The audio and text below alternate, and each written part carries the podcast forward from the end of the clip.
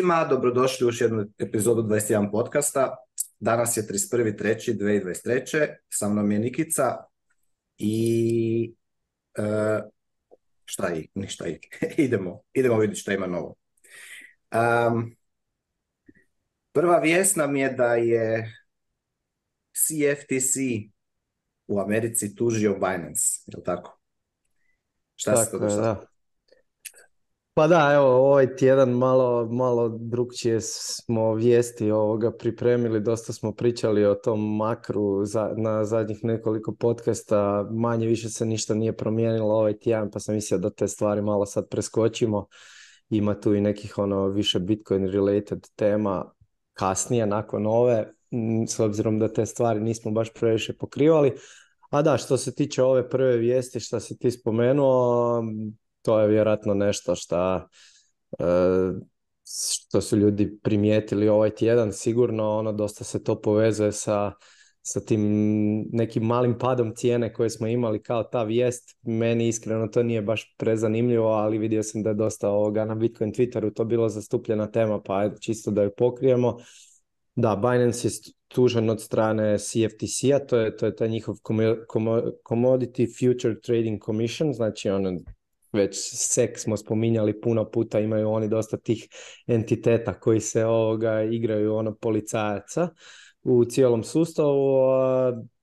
Ovo je, mm, ovo zapravo, koliko sam ja shvatio, nije tužba, nego je više su oni dobili kao nekakav taj notice za što ih se optužuje, pa, pa traže od njih da se na neki način izjasne tu je bilo dosta zanimljivih stvari, manje više su sve vezane za, za, za CZ-a, za, za znači, to njihovo prvo lice koji je optužen da, da ima ne znam, preko 300 osob privatnih računa na, na Binance-u, da ih je koristio za tradanje protiv svojih usera.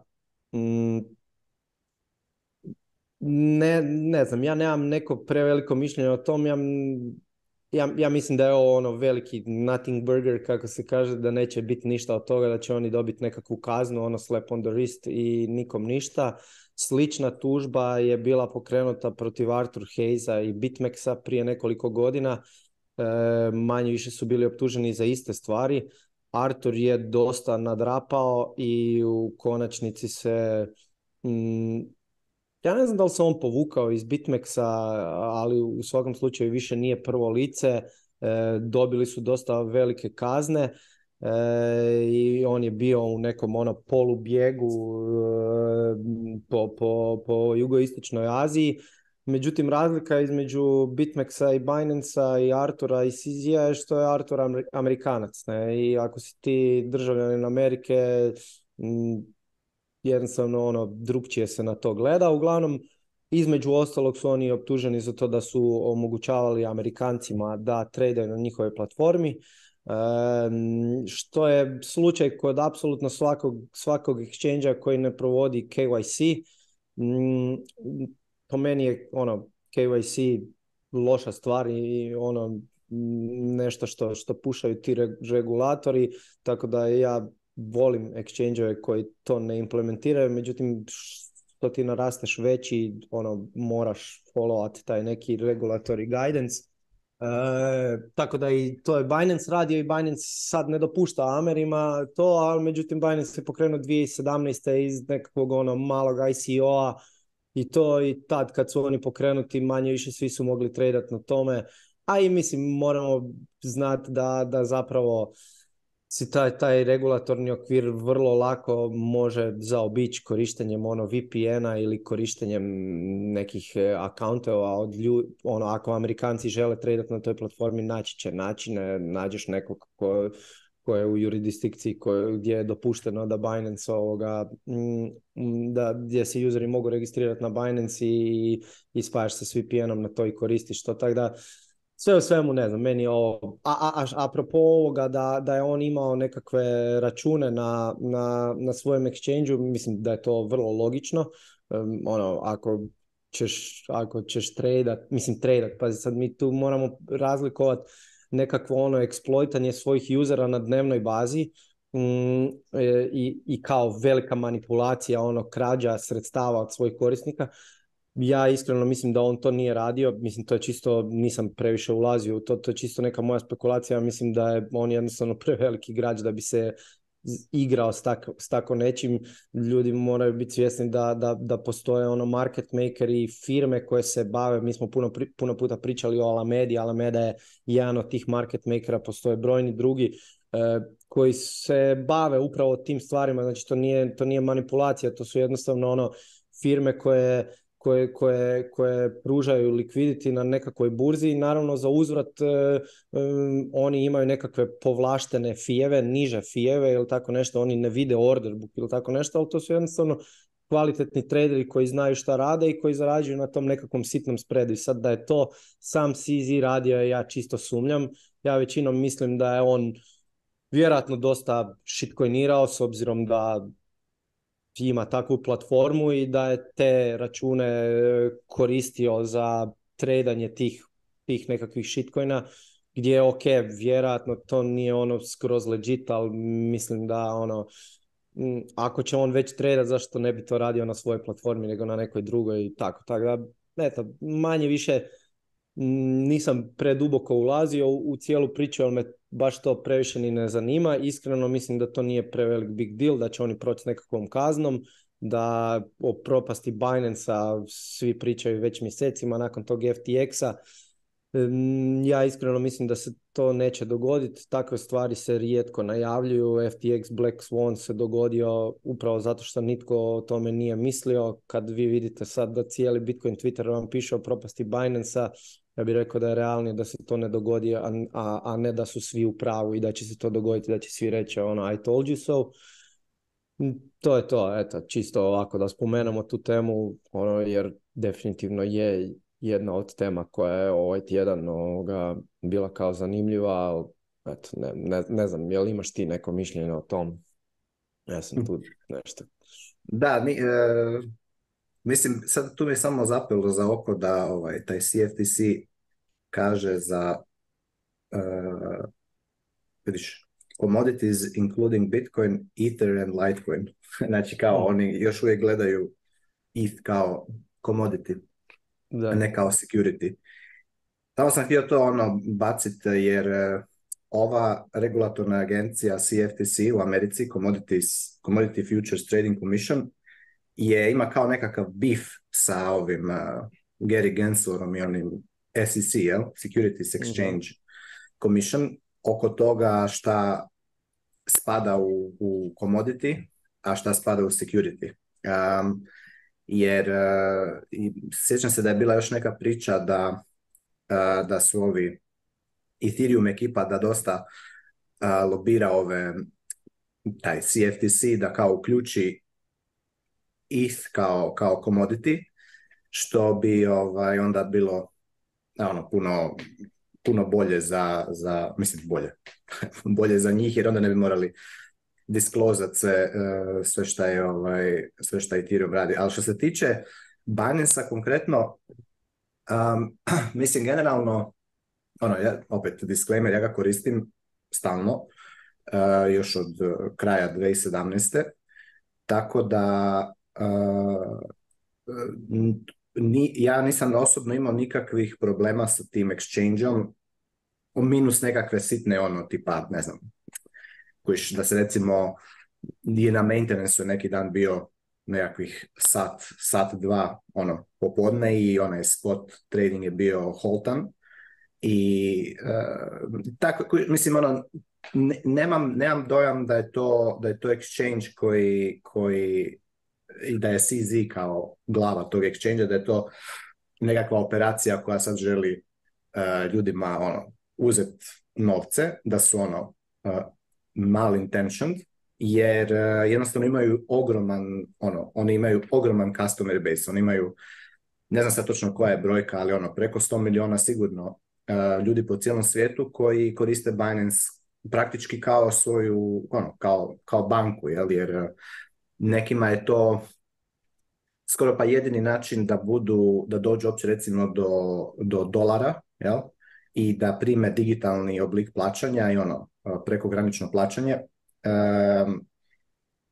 tako da, e, po meni Binance je sveukupno ono, dobar, dobar igrač, mislim good, ono, good player, e, ali isto tako je Mislim, činjenica je da je to, znači ono, ako ćeš ti sad to gledat kroz nekakve ono fiat lens, ti ćeš vidjeti da je Binance ima x različitih ono korporativnih e, oblika, izvedenica i ne znam, ima firmu registriranu u Irskoj, onda ima firmu u Singapuru, onda ima nešto u Americi, što radi taj, ono, vodi taj Binance US, pa ima, tu vidiš, piše u članku da je ovaj, CZ konkretno ima kanadsko državljanstvo, a živi u Dubaju, a ono, originalno je ono iz Kine, u Šangaju je počela, počeo Binance Exchange.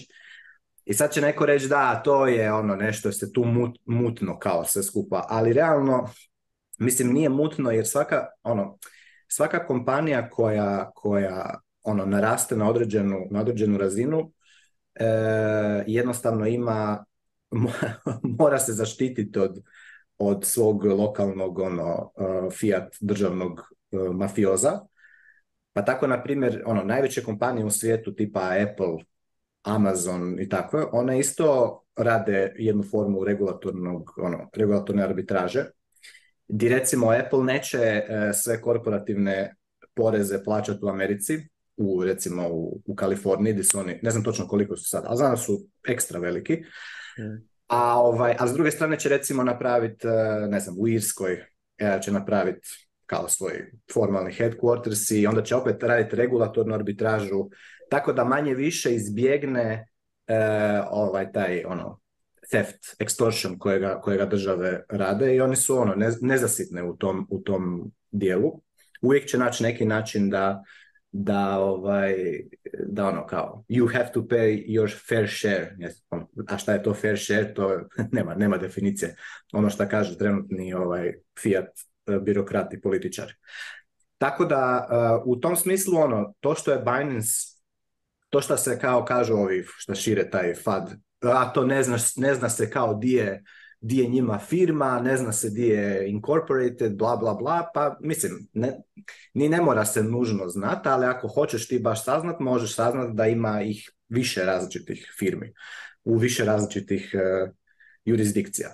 E, kao i svaka druga velika, velika firma. A što se tiče ovoga da kažu da je CZ tradao kao protiv svojih uh, customera, mislim, ako nije stil, ako nije, ono, ako nije uzimao uh, customer deposits kao što je radio ovaj uh, mali ovaj SBF, onda šta, mislim, on normalno je ok da trada uh, kao i svi drugi, ono, dok god igra na same, ono, playing field, a nemaš ti šta, mislim, realno, pogotovo Bitcoin trading, nemaš ti šta imati insider information na Bitcoin tradingu, ti imaš, ono, cijenu Bitcoina, imaš tečaj koji se, koji je ono, agregat masu ono exchange na cijelom svijetu i trada 24/7 cijelu godinu, ono nema ono nema vikende slobodne, imaš jednostavno taj price discovery je jako jako dobar i ti recimo ne možeš nešto nemaš ti, nemaš ti kako inside tradat Bitcoin. što se tiče toga.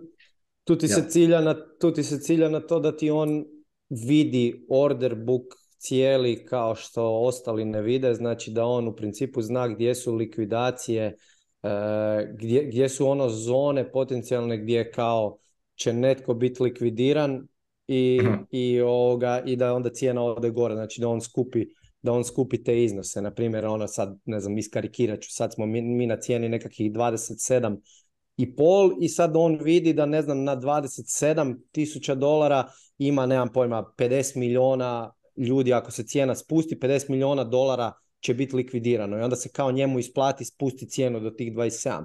Ali to samo on vidi?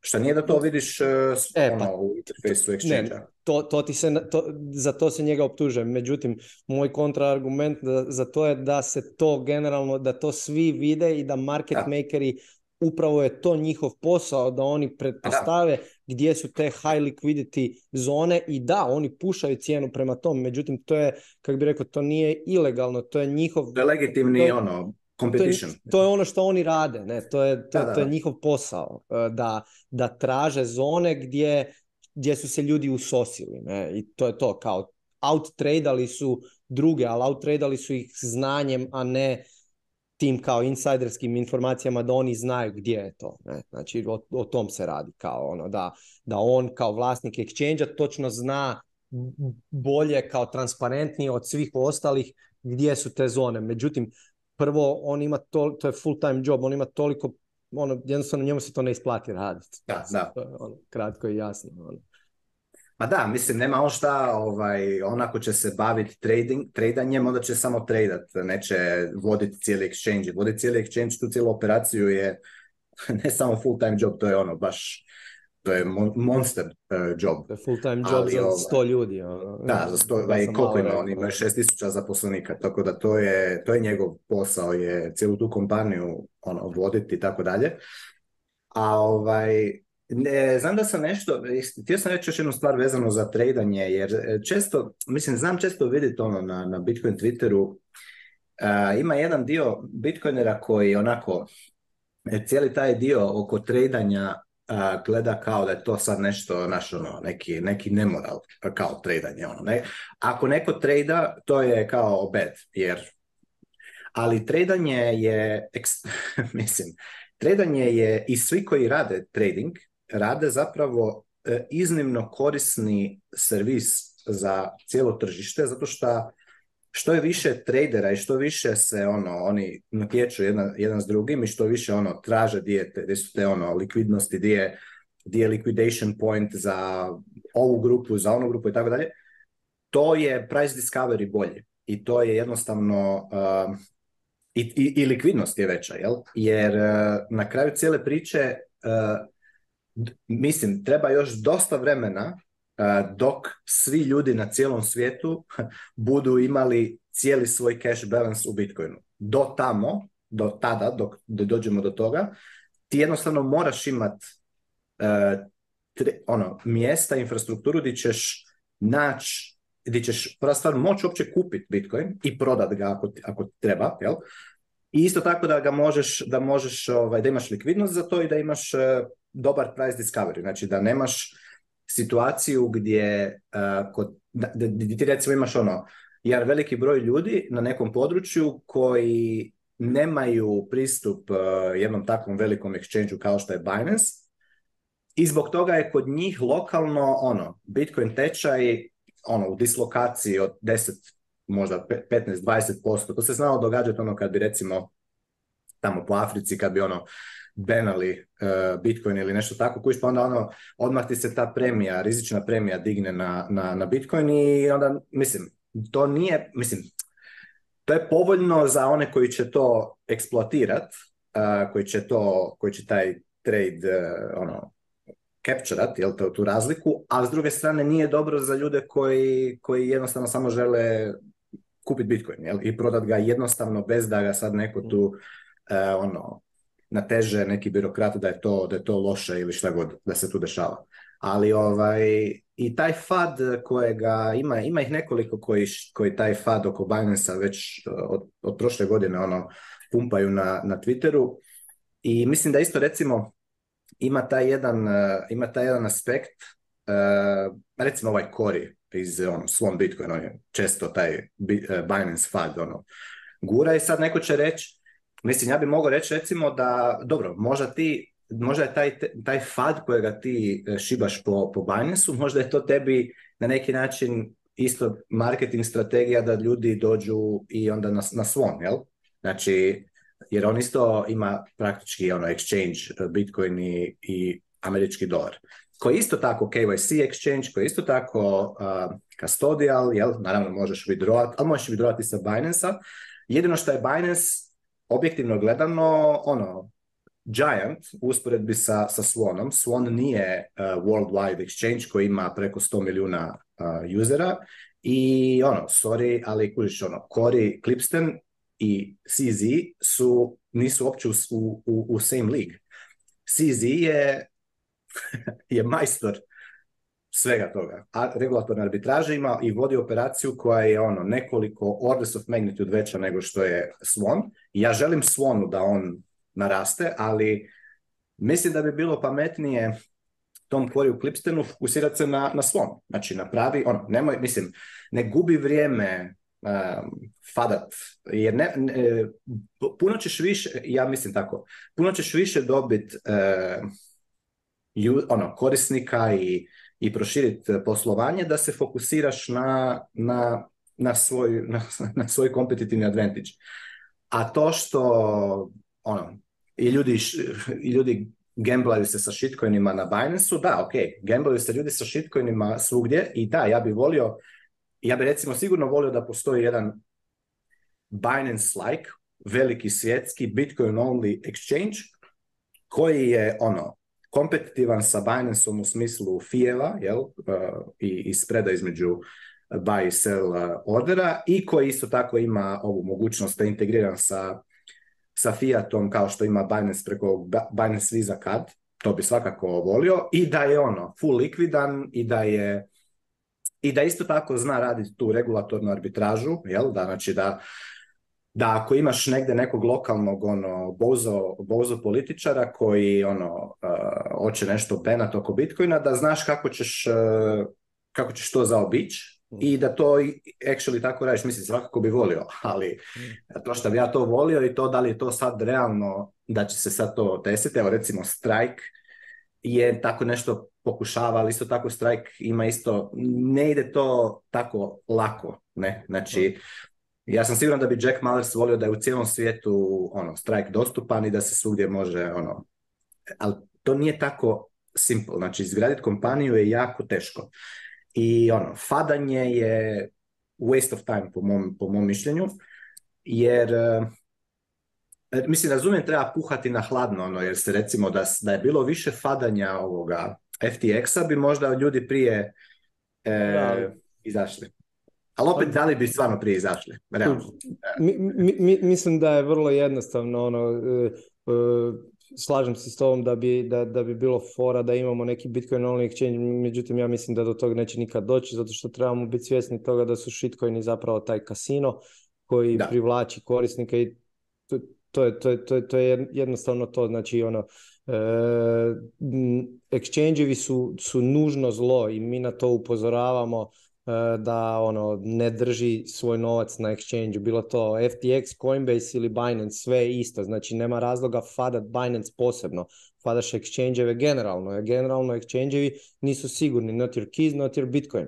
Međutim, nužno su zlo, ako nemaš drugi način za e, bitcoin osim putem exchange koji moramo priznat da je generalno najjednostavniji način za bitcoin, danas nije možda najbolji, pogotovo prema nama našima ali najjednostavniji, e, ti moraš koristiti exchange Ako ćeš se baviti tradanjem ozbiljno, ti moraš koristiti exchange I ako koristiš exchange moraš biti svjestan nekakvih rizika koje exchange nude. Osnovni rizik koji exchange nude je isti rizik koji postoji kod svake kod svake kompanije čiju teoretski možeš kupiti dionicu ili tako nešto, ta kompanija može propast i ti ćeš ostati bez svojih sredstava. Znači ako kupuješ Bitcoin i držiš ga na exchange to ti je manje više paper Bitcoin. Mi smo to sto puta rekli, to se neće promijeniti. Bilo to i generalno to što si ti rekao, ista stvar je kod Svona. Ja se, mislim, meni je kori fora iz tih nekih stvari, ali ja se generalno isto, kako što si ti rekao, ne slažem s, njim, s, tim jednostavno napadom prema, jer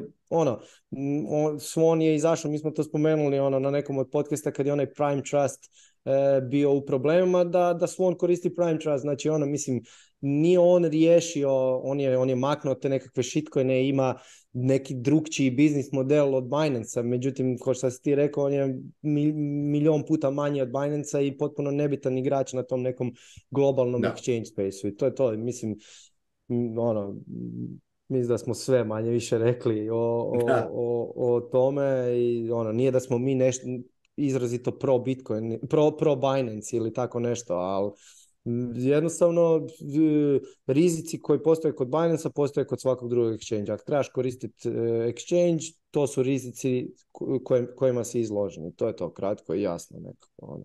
Apsolutno, apsolutno. E, ma i da, i osim toga recimo isto, znači kao što, kao što exchange-evi rješavaju ono, taj market discovery i price discovery Bitcoina i fiat, i fiata, jel, bitcoina i dolara, tako isto rješavaju i ovaj price discovery i i ajmo reći eh, market making i liquidity u, između Bitcoina i shitcoina. Jer recimo, ja isto mislim na primjer da cijeli ono shitcoin ekosistem isto tako na neki način služi, mislim, exchange koji nude tradanje shitcoina isto tako nude način za ljude koji na, kako nauče razliku između Bitcoina i shitcoina da likvidiraju te svoje shitcoine i da, da, da pređu u Bitcoin. Tako da a, nije, a kažem, nije to loše, nije ništa tu e, stvar loša, loše je ovo što su radili, što je radio FTX, znači to je doslovno bio ono, krađa, ono, ljudi ti stave novce na, na tvoju minjačnicu, a ti uzmeš to i, i radiš e, ono.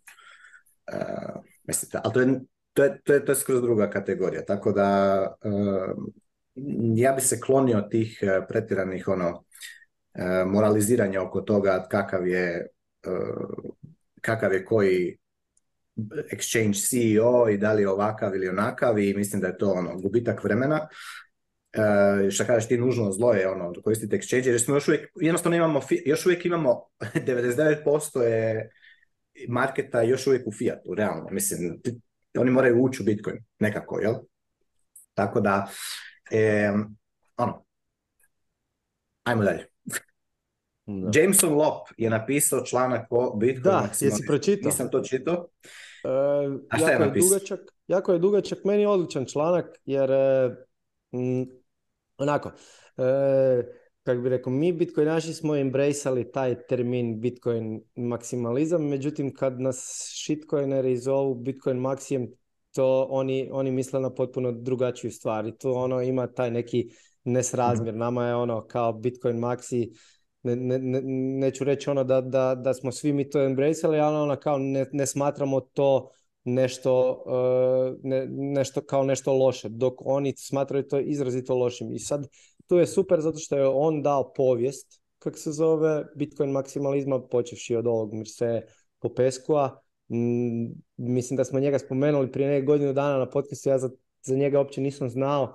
E, vrlo nekakav ono ekscentričan, ekscentričan lik, e, ali, ali koji je bio vrlo ono prominentan član ono Bitcoin community u početku, onda ono u principu kak je Vitalik nakon, e, nakon, nakon što je pokrenuo Ethereum zapravo kojno taj termin e, toxic Bitcoin maximalist koliko god je to ono postajalo prije pa, pa onda pa onda generalno ono ova skupina ljudi koju činimo recimo ti i e ja, to su ljudi koji su se ono orange pilali recimo 2017.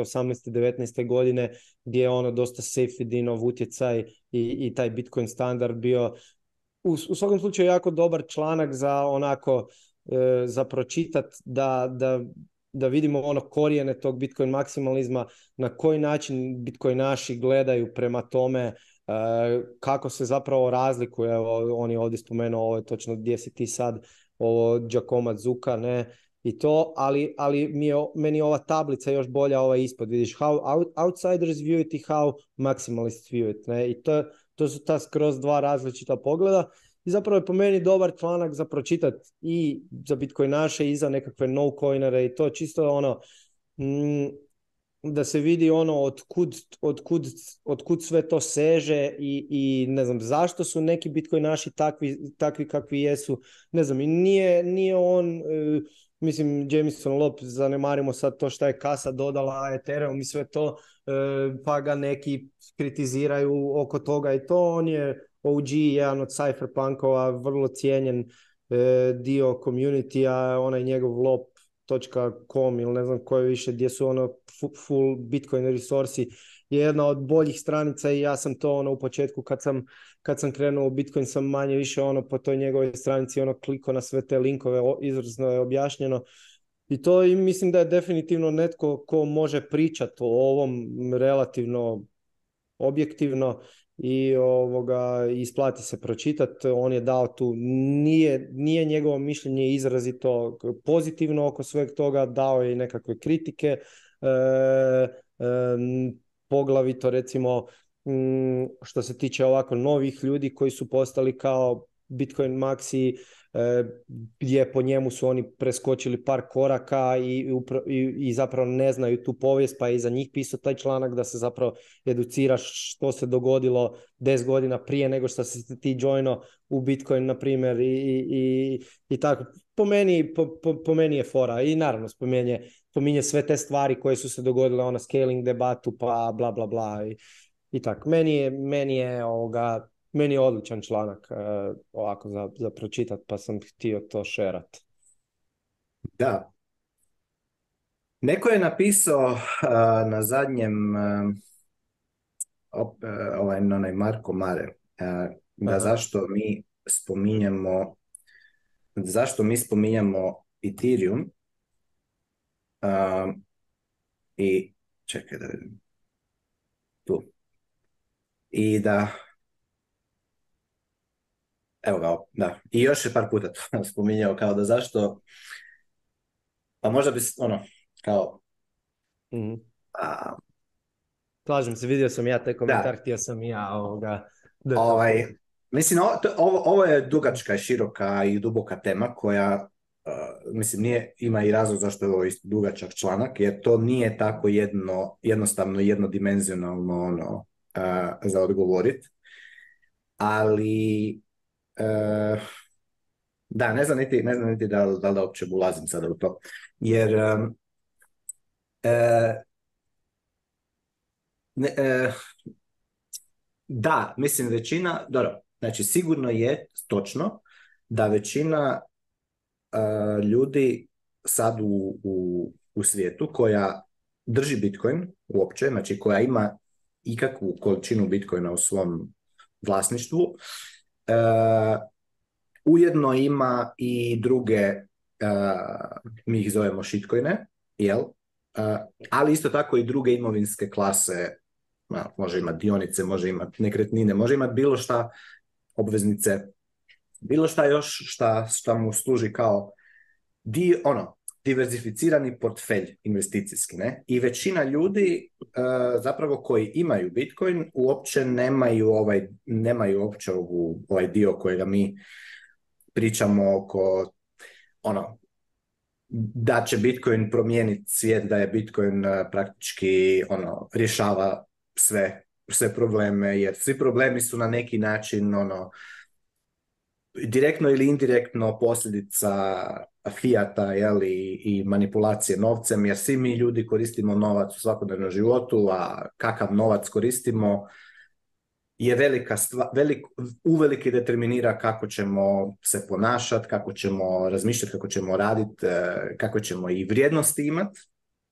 Tako da um, to je duboka tema i mislim, postoji razlog zašto su, zašto, zašto su ljudi, zašto se toliko o tome raspravlja, zašto se toliko o tome piše, jer tu ima nešto. Znači, ima nešto u tome da, da e, čovjek drugačije, e, ajmo reći drugačije, živi život s obzirom na to kakav novac koristi. Jer šta, znači ti možeš koristiti kao novac bilo šta, znači novac je samo medij razmene, ti možeš, možeš ako hoćeš jabuke koristiti kao novac.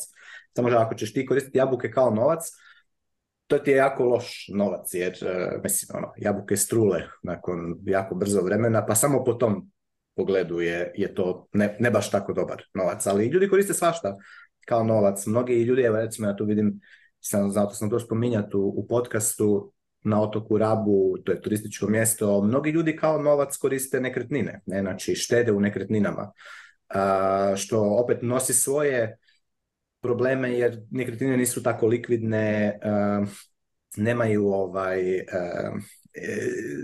nagrđuju ono cijelu tu vizuru otoka, sve ta fiat arhitektura je ono jedan veliki šrot. Puno tih nekretnina nije dovršeno do kraja zato što su kreditirane, zato što ne možeš, ono, ti počneš graditi kuću, a onda u biti e, inflacija u međuvremenu poraste i ti nisi ono je napravio do kraja, zadužio si se, pa onda znači svašta tu imaš, što su sve nekakve posljedice posljedice korištenja recimo nekretnine kao novca, kao štednih računa ili recimo ima onda recimo posljedice korištenja dionica kao novca su to što imaš veliku misalokaciju kapitala u u ovaj u kompanije koje su ono zombi kompanije praktički, ljudi koji recimo drže, evo taj Marko Mare napisao da on drži S&P 500, ja sam apsolutno milijardu posto siguran da on nije išao gledat svaku od tih 500 kompanija koji su trenutno u S&P 500 i pogledat njihove financijske izvještaje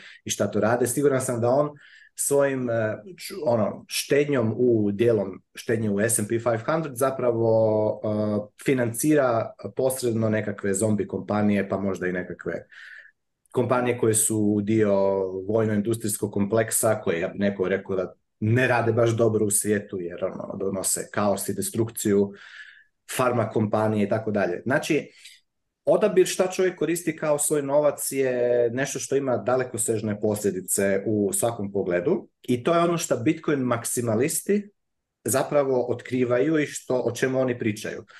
E, ali opet s druge strane, znači ja se, mislim, mogu razumjeti zašto, zašto to ljudi vide kao da je to toksično i kao da je eksklu, ono, kako bi to rekao, da, da ono, puša, puša kamere ča van od toga, ali zapravo u stvarnosti to nije tako. Znači, ono, ona ta temeljna poruka Bitcoin maksimalizma je da je Bitcoin danas u današnjem ono, pogled, ono, u današnjem trenutku u svijetu jedini instrument koji ima superiorne karakteristike da bi se koristio kao novac. Odnosno, u smislu, to je najbolji, najbolji instrument kojega ljudi mogu koristiti za svoj novac. Zato što kod je, svakog drugog instrumenta uh, prvenstveno je, je velika razlika u tome što ne postoji način u Bitcoinu da neko isprinta i kreira više Bitcoina nego što je to uh, prihvaćeno u konsenzusu uh, networka. To nije slučaj ni kod, jednog, ni kod jedne druge forme novca. Znači, to, a opet to ima implikaciju da Bitcoin ima u, u vremenu najveću, najveću aprecijaciju te, te temporalne uh, utrživosti, te, temporal salability.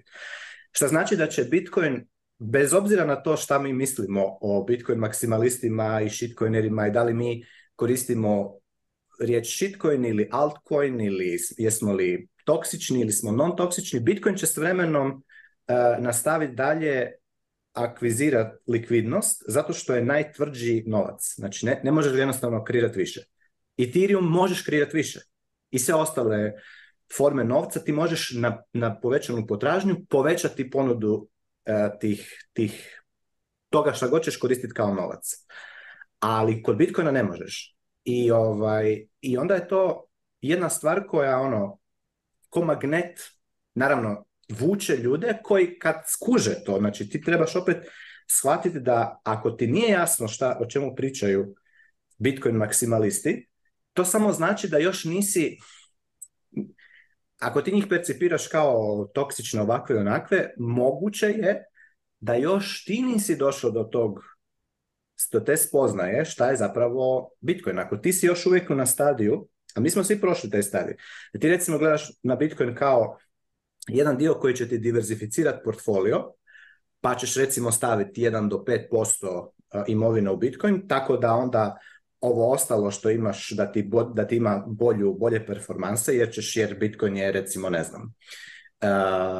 nije e, de, od ostalih imovinskih klasa, e, ima taj jako visoki onaj sharpe ratio, jel? znači ima veliku volatilnost, ali ima ogromnu, ogromnu ono, stopu aprecijacije na godišnjoj razini, kumulativnu, e, I ono, jednostavno, bez obzira što je on volatilan, ako ga sniziš, ako ga staviš u jedan mali, mali iznos svoga portfolija, on će ti overall ono, podignuti performanse portfolija i mnogi ljudi tako razmišljaju i tako gledaju na Bitcoin. Ali, to ne znači s druge strane da su oni, da oni su još opće došli, da su se skroz ono, orange pilališta bi rekli do kraja. Evo došao mi jedan orange pil tu. Evo tu moram početi stavljati na ovaj Bitcoin pin. Orange pil. Znači još uvijek nisu progute, najmo tako to reći, odnosno taj orange pil im nije e, ono, se ušao u cijelo, u cijelo biće. Ali to ne znači da neće. Znači ne znači da recimo neko ko je sada ko recimo u 2020. ili 2021. je odlučio, ok, ja ću sada prvi put ono, ući u Bitcoin, a sad sam ozbiljan, stavit ću, ne znam, 1 do 5% imovine u Bitcoin, to ne znači da oni neće ako recimo 2024. 2025. tih 1 do 5% dođe na 10 do 50% e, imovine, jel ako se ono nabuja na full u, i aprecira, da će onda tek početi ulaziti u, u, taj šta kažu Bitcoin rabbit hole. Da će onda recimo ono ići pročitati Bitcoin standard, fiat standard, da će onda ono ući u taj Bitcoin Twitter, da će onda ići vidjeti zašto ti reci, zašto Bitcoineri recimo imaju taj, e, ne znam, sam opet spomenuo, taj thread wife, wife kao e, movement. Zašto su oni, zašto oni naginju ta, tim konzervativnim vrijednostima? Zašto recimo, e, zašto jedu meso toliko? Zašto, zašto su E, zašto, otkud im ta riječ fiat food? Je to samo Seyfedin ono bubno, pa sada eto svi su ono oko toga ili je to jednostavno stvarno tako? Znači da stvarno postoji link i postoji poveznica između fiat standarda kao generalnog fenomena, emergentnog, ne nužno kao nekog koje gdje je zavjera, gdje je neki tamo ono, E, to se skupa planira, nego jednostavno to je tako, to je posljedica mekanog novca, zaduživanja, kreiranja novca kroz zaduživanje, da se dese velike interesne skupine koje e, recimo lobiraju svjetsku zdravstvenu organizaciju da napravi piramidu hrane koja ima u bazi piramide upravo onu hranu koju taj agroindustrijski kompleks proizvodi. Jel? I kada je to počelo? Pa baš je to počelo 70. godina kada se on Amerika kompletno skinula sa zlatnog standarda, onda je ono, cijeli taj agroindustrijski kompleks u Americi full nabujao. Kako je to moguće? Ili recimo, onda počneš gledati e, ovaj dio oko, oko histerije, oko climate crisis, ne?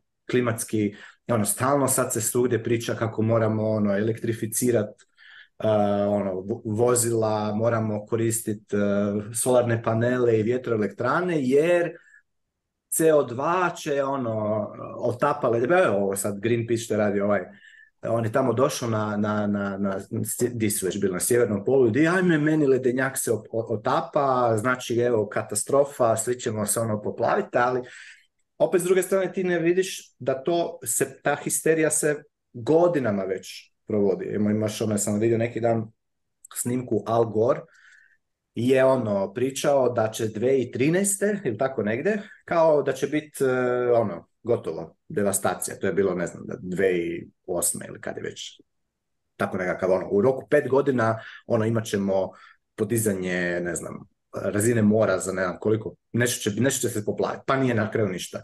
Znači, to su, a od kuda sad to sve skupa dolazi? Pa isto tako dolazi iz Fijata, ne? Znači, zato što je opet kad se, ka, kad se počne printat više novca, cijene energenata počnu rast, ljudi se počnu ono žaliti zašto se zašto poskupila nafta, plin, pa poskupila je nafta i plin zato što smo mi naprintali toliko novaca da bi financirali, ne znam, vjetnamski rat, ne? ili šta god, mislim, šta god već taj Fiat industrijski kompleks je htio financirati. Pa onda da bi ljudima ono nekako to ublažili, pa ajmo im nekako, ajmo ih nekako uvjeriti da je loše zapravo to što oni koriste, to što je poskupilo, e to je loše, pa će onda oni manje to koristiti, pa će onda to, pa će onda to cijena neće toliko narast, ublažit će se, ublažit se rast cijena. I to je recimo motivacija zašto e, cijela ta cijela, ali cijela ono, e, ta e, hydrocarbon histerija uopće postoji. Znači, postoji razlog zašto se baš na to, zašto je baš na to fokusirano, zašto je ono, zašto se ono, to, to dešava. I sve to na kraju, da sad vratim se nazad i da skratim tu priču, sve se to na kraju vraća na pitanje ono, Fijata i fiat novca i mekog novca koji proizvodi sve te neželjene posljedice eh, oko sebe. Jel? Nabujane države, zbog toga što je država toliko nabujana, imaš ono eh, zatvoren, nemaš, nemaš tržiš, nemaš, nemaš signala otkrivanja cijena u nizu industrija, recimo E, ne znam, u zdravstvu, u, u školstvu, znači ono imaš katastrofalne ono posljedice na veliki broj ljudi na dugom roku i, i sve su one, ajmo reći, indirektna posljedica fijata. I zato Bitcoineri kažu da je ono Bitcoin fixes this, Bitcoin fixes that, Bitcoin fixes ovo. Je da, u jednom, naravno ne sutra, jer se, jer se sutra neće hiperbitcoinizirati svijet, ali kada bude hiperbitcoiniziran svijet, ti problemi koje sad mi vidimo i detektiramo neće biti tu. Možda će biti neki druga, neka druga vrsta problema e, u svijetu, ali ova koju sada vidimo neće biti. E, jer jednostavno neće imati od kud se financirati, neće imati izvor financiranja. Zato je Bitcoin maksimalizam tako takav. I zato u tom dijelu, i, i još jedna stvar zašto je takav, zašto su nekad Bitcoin maksimalisti ispadaju toksični i ovakvi i onakvi, je zato što ih nema, nema tu jedne, Bitcoineri nisu na plaći zaposleni sa ugovorima o radu za, za neku kompaniju koja ima svoju, ono, ajmo reći, korporativnu politiku koja kaže šta se može govoriti u toj kompaniji, a šta se ne može govoriti. Znači, za razliku od recimo ripple Ti ako radiš u ripple ako, ako te Ripple plaća, e, to ima, to je kompanija, to ima svog CEO, ima svoje, svoje departmente, ti, ne, ti imaš jednu stvar koju ti možeš pričati o, o ripple Ako počneš nešto govoriti protiv ripple ili, ne, e, ili ako recimo, ne znam, govoriš nešto što nije u opisu tvog radnog mjesta, ti ćeš dobiti otkaz Ista stvar je ako recimo radiš za Ethereum Foundation ili Consensus ili tako dalje. Znači ti imaš jednu, jedan narativ kojega ono, pričaš zato što tamo radiš, ako, ne, ako ćeš ti pričat nešto drugačije od toga, sorry, ali nećeš više raditi tamo i neće te više uh, e, plaćati. Znači, svi ti shitcoini i, ono, uh, ajmo reći ti parties koji, koji, koji, koji kao izgledaju da se, ono, Um, pričaju sa, sa, sa bitcoinerima i debatiraju s njima, zapravo rade za te, um, mnogi od njih jednostavno zbog posla kojim se bave, um, imaju određeni narativ. I možda recimo će, što bi rekli, behind the closed doors, eh, reći nešto drugačije, iskreno, ali recimo on the record neće tako govoriti. I, I sigurno, na primjer, puno ljudi koji su ono on, na front shitcoineri, jel? I promoviraju, recimo, ne znam, e, ne znam, proof of stake, kao da je to dobra stvar, jer je to, jer je to ono, doesn't e, use energy. A možda će opet ono, da, ja ću to tako promovirati jer, jer imam 150-200 tisuća eura godišnje plaću od, ne znam, konsensisa, zato da tamo programiram blockchain aplikacije ali ću interno u biti reći da je to ono skem kojega ja ono ignoriram i taj novac kojega zarađujem od e, konsensisa ću stavljati u, u Bitcoin. Jer razumijem zapravo šta je razlika između proof of stake i proof of work u smislu ono da je da je cijeli narativ bullshit koji opet ono bullshit ne, ne, ne kažem da je to sad bullshit zato što neko namjerno to želi E, je ima loše namjere, nego jednostavno iz bilo kog kombinacije razloga, zato što ne zna, zato što želi, ima ono high time preference, pa želi sada imati više novca nego kasnije, tako da promovira to. Tako da ne treba se ono, e, mislim mi, jednostavno imamo, Bitcoin je, kao, htjeli mi ne htjeli, gleda ga se kao dio kripto Eh, Space-a, zato što je to originalni prvi eh, ono protokol koji svi, cijela ova eksplozija kriptovalute došla naravno nakon Bitcoina, kao klon Bitcoina, kao kopije Bitcoina sa, sa nekakvim promjenama koda i tako dalje. Bitcoin je open source, tako da ga može svako, svako gledati i koristiti. Tako da nužno mi nekad jednostavno moramo neke stvari spomenuti, čisto da bi ono edukativno pokazali u čemu je razlika između jednog i drugog jer e, bez obzira na sve, velika većina, kažem, velika većina ljudi koji sada trenutno drži Bitcoin jednostavno ne zna uopće, mislim, zna malo samo šta je to, ali ne zna recimo razlike između Ethereuma i Bitcoina. I jednostavno ne zna.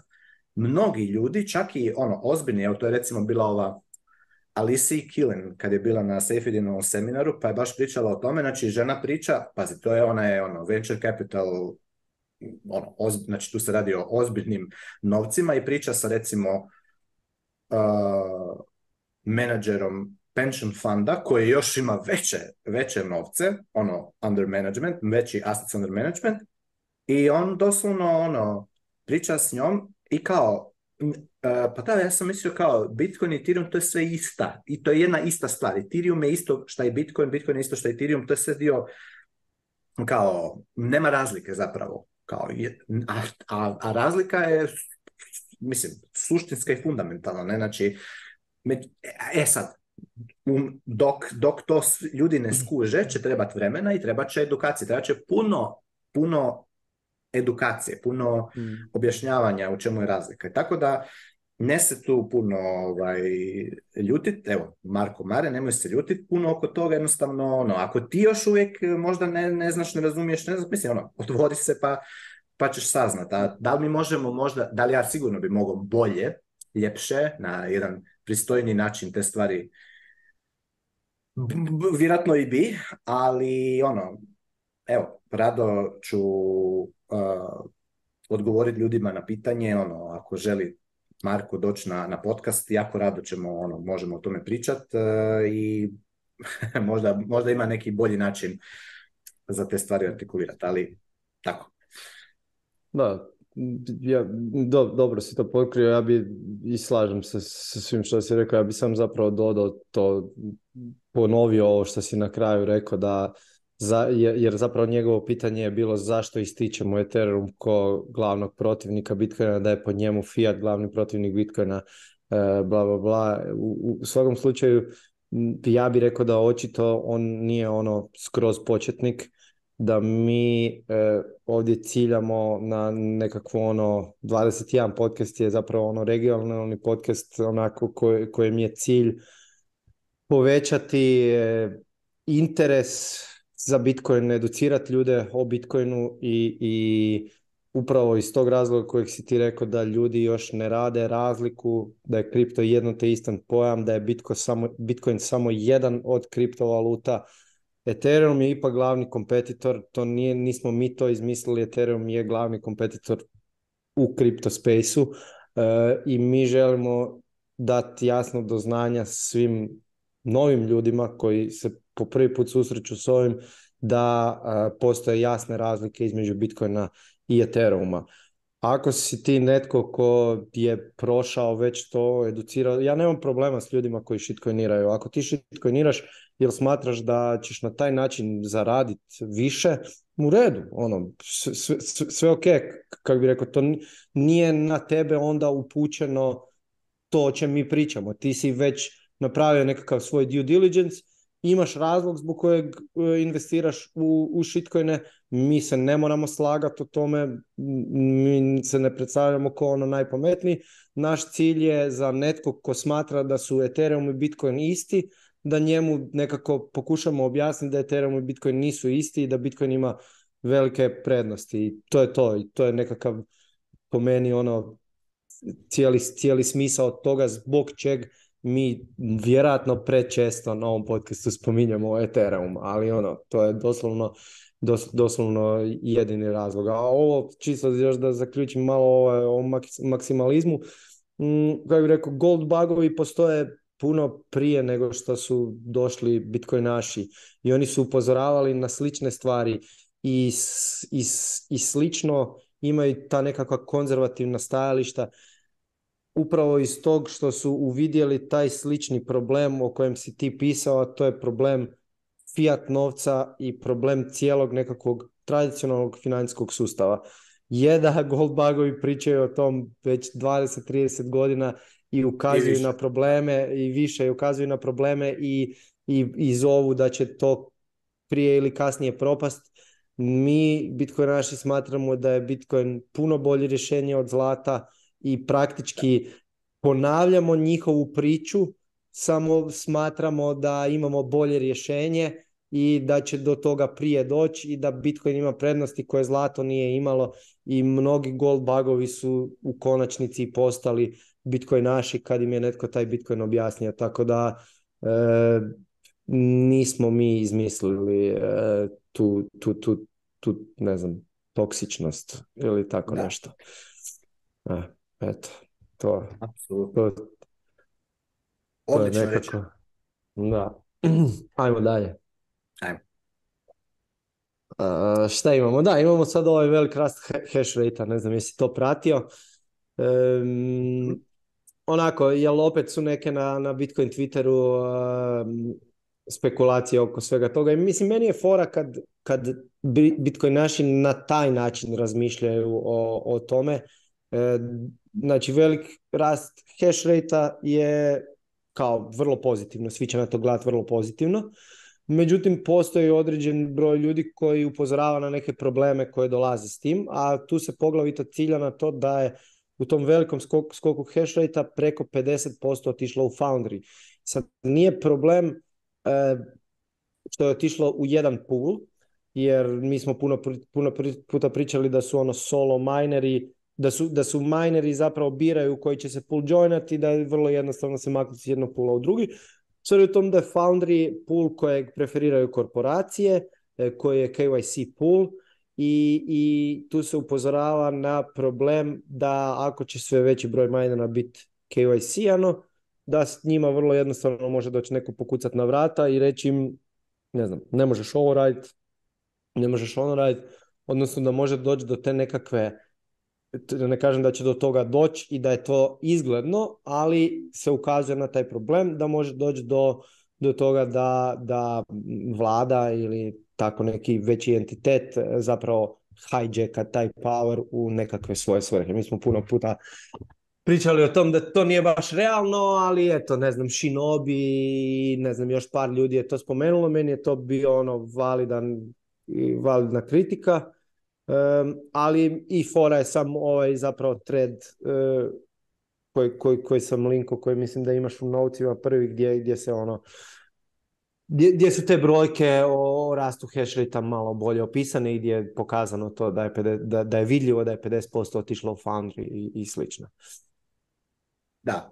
E, ja ću morati opet ponoviti da to da ovo nema apsolutno nikakve veze, mislim nema nikakve, nikakvog utjecaja na na bitcoinere koji drže bitcoin, to što rade mineri je njihova stvar i, i opet ću reći da evo sad je Foundry je 31,87%, hash rate-a, govorim kao mining pool, end pool je 20,60%, F2, F2 pool je 14,10, Binance pool je 10,16%, Vaja BTC 8,4 i tako dalje.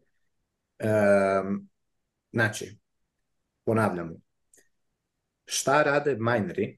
Mineri proizvode blokove, proizvode, e, kreiraju nove bitcoine. Full nodovi, znači full nodovi validiraju, odnosno verificiraju da li je to što su mineri proizveli bitcoin ili su proizveli nešto što nije bitcoin i onda to uključuju u svoje blockchainove. Znači, mineri kako bi to rekao, znači nebitno je da li će recimo US government capturat Foundry mining pool i natjerat e, minere da plaćaju 30% poreza na izmajnane bitcoine. Apsolutno je nebitno za bitcoin hodlere. I da će zbog toga hash rate recimo pasti, jer mnogi mineri u, u Americi neće htjeti plaćati porez američkom governmentu nego će otići ča iz Amerike i premjestiti svoje minere ča. A ili neće moći premjestiti pa će im Amerikanci oduzeti te minere i ne znam, neće ih upaliti, uništit će ih, pa će hash rate pasti. Znači, to je za bitcoinere nebitno, zato što hash rate ako padne, difficulty će past. I opet će se majnat 10 minuta, ono, treba će 10 minuta za, po bloku. I opet ću tu reći, vezano za ono, bilo kakav concern, fad, ono, probleme oko toga šta bi mining mogao, šta se događa u, mining, u miningu, mhm. da li je to problem za Bitcoin, vratit, se nazad na 2021. Znači, hash rate je u 2021. pao za pola, za 50% je pao hash rate u 2021. Kada, se, kada je bio taj veliki exodus minera iz Kine u druge dijelove svijeta. Okay? Znači, Šta se dogodilo? Blokovi su se usporili, mining, blokova se usporio, trebalo je duže vremena da se izmajnaju, znači da prođe, da prođe onaj period difficulty adjustmenta 2016 blokova. Hash, znači difficulty je padao kroz tih par mjeseci i došao je do, opet do razine gdje, se, se, su se blokovi, gdje se brzina mininga blokova uspostavila oko 10 minuta po bloku i network je nastavio dalje rast. Mineri su se premjestili, neki su imali gubitke zbog toga, neki nisu imali gubitke zbog toga, to je stvar minera, znači njihove operacije. Znači svaki miner ima niz rizika kojega, koje ovaj, mora rješavati, koje mora preuzimati, da bi mogao, da bi mogao profitabilno majnat, odnosno da bi ostvario dobit eh, s minanjem. Jer ako ćeš ti, znači ti možeš kupiti Bitcoin na, sa po prajsu koji je trenutno e, na tržištu, a ako hoćeš pod navodnicima kupiti Bitcoin po manjem prajsu nego što je na tržištu, znači da ćeš ti zaraditi zapravo na kreiranju Bitcoina, odnosno da ćeš moći, da ćeš imati jednostavno dobit e, u, u kupnji Bitcoina, da, možeš to raditi kroz majnanje, ali zato moraš imati, imaš niz različitih rizika od tehnološkog rizika, energetskog rizika, političkog rizika da nisi došao u neku, ono, neki, neko mjesto gdje će ti zabraniti da majnaš, do rizika, ne znam, nekakvih prirodnih katastrofa, može ti se desiti potres, pa ti se sruši cijeli, cijeli ono mining, mining centar, svašta se može desiti, to su sve rizici kojeg mineri preuzimaju kao ono poduzetnički ono entrepreneurial risk i oni na njima rade. A, šta se tiče interno sada, da li je neki mining pool prevelik, pod navodnicima, ako, je, ako ti kao miner, opet, to je samo pitanje tebe kao minera ako se baviš miningom, ako ti smatraš da je neki mining pool prevelik, svoj hash rate usmjeri na drugi mining pool. Znači, ako ne smatraš da je prevelik, ako to za tebe nije rizik ili smatraš da je taj rizik nije, nije nema ono, da nema ovaj, da ti je prihvatljiv rizik, jel? A onda ćeš nastaviti dalje majnac na, na tom pulu.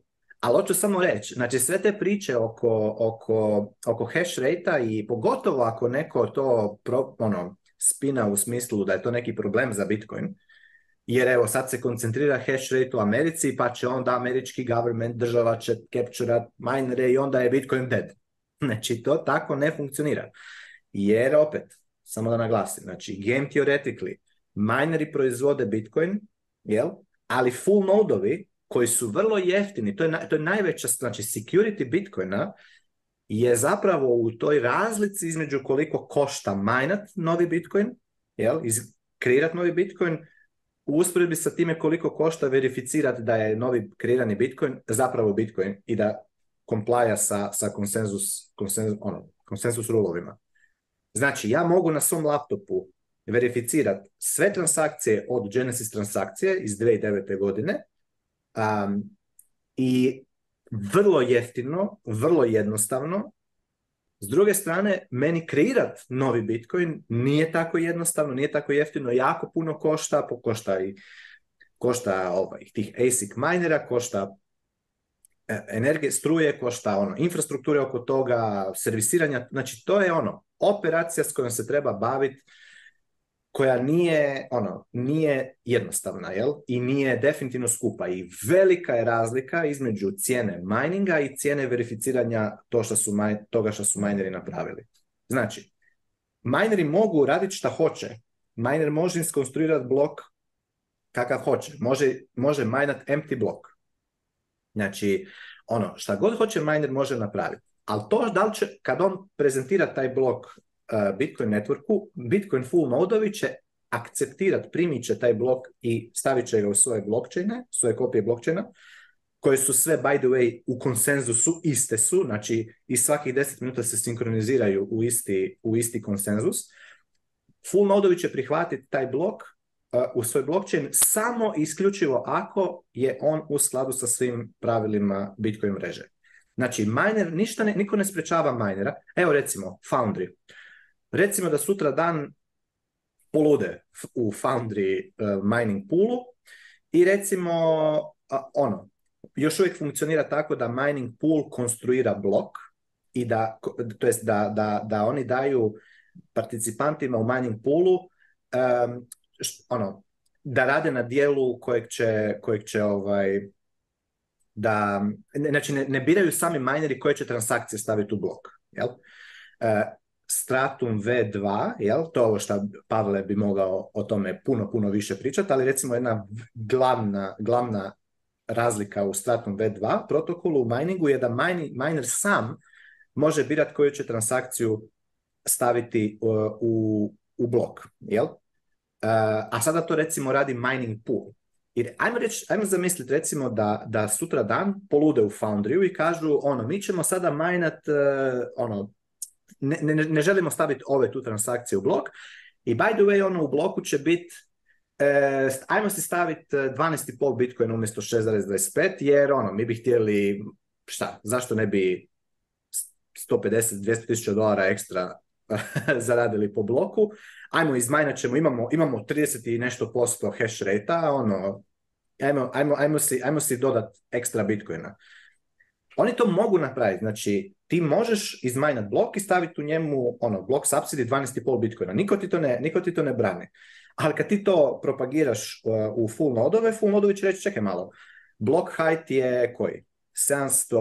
783.315 a mi smo se dogovorili da između 600 i 800 tisućitog ili kojeg je, kad, kad je već bio halving, mining subsidy može biti 6,25 po bloku. Ti si stavio 12,5, orfan, nećem to uključiti.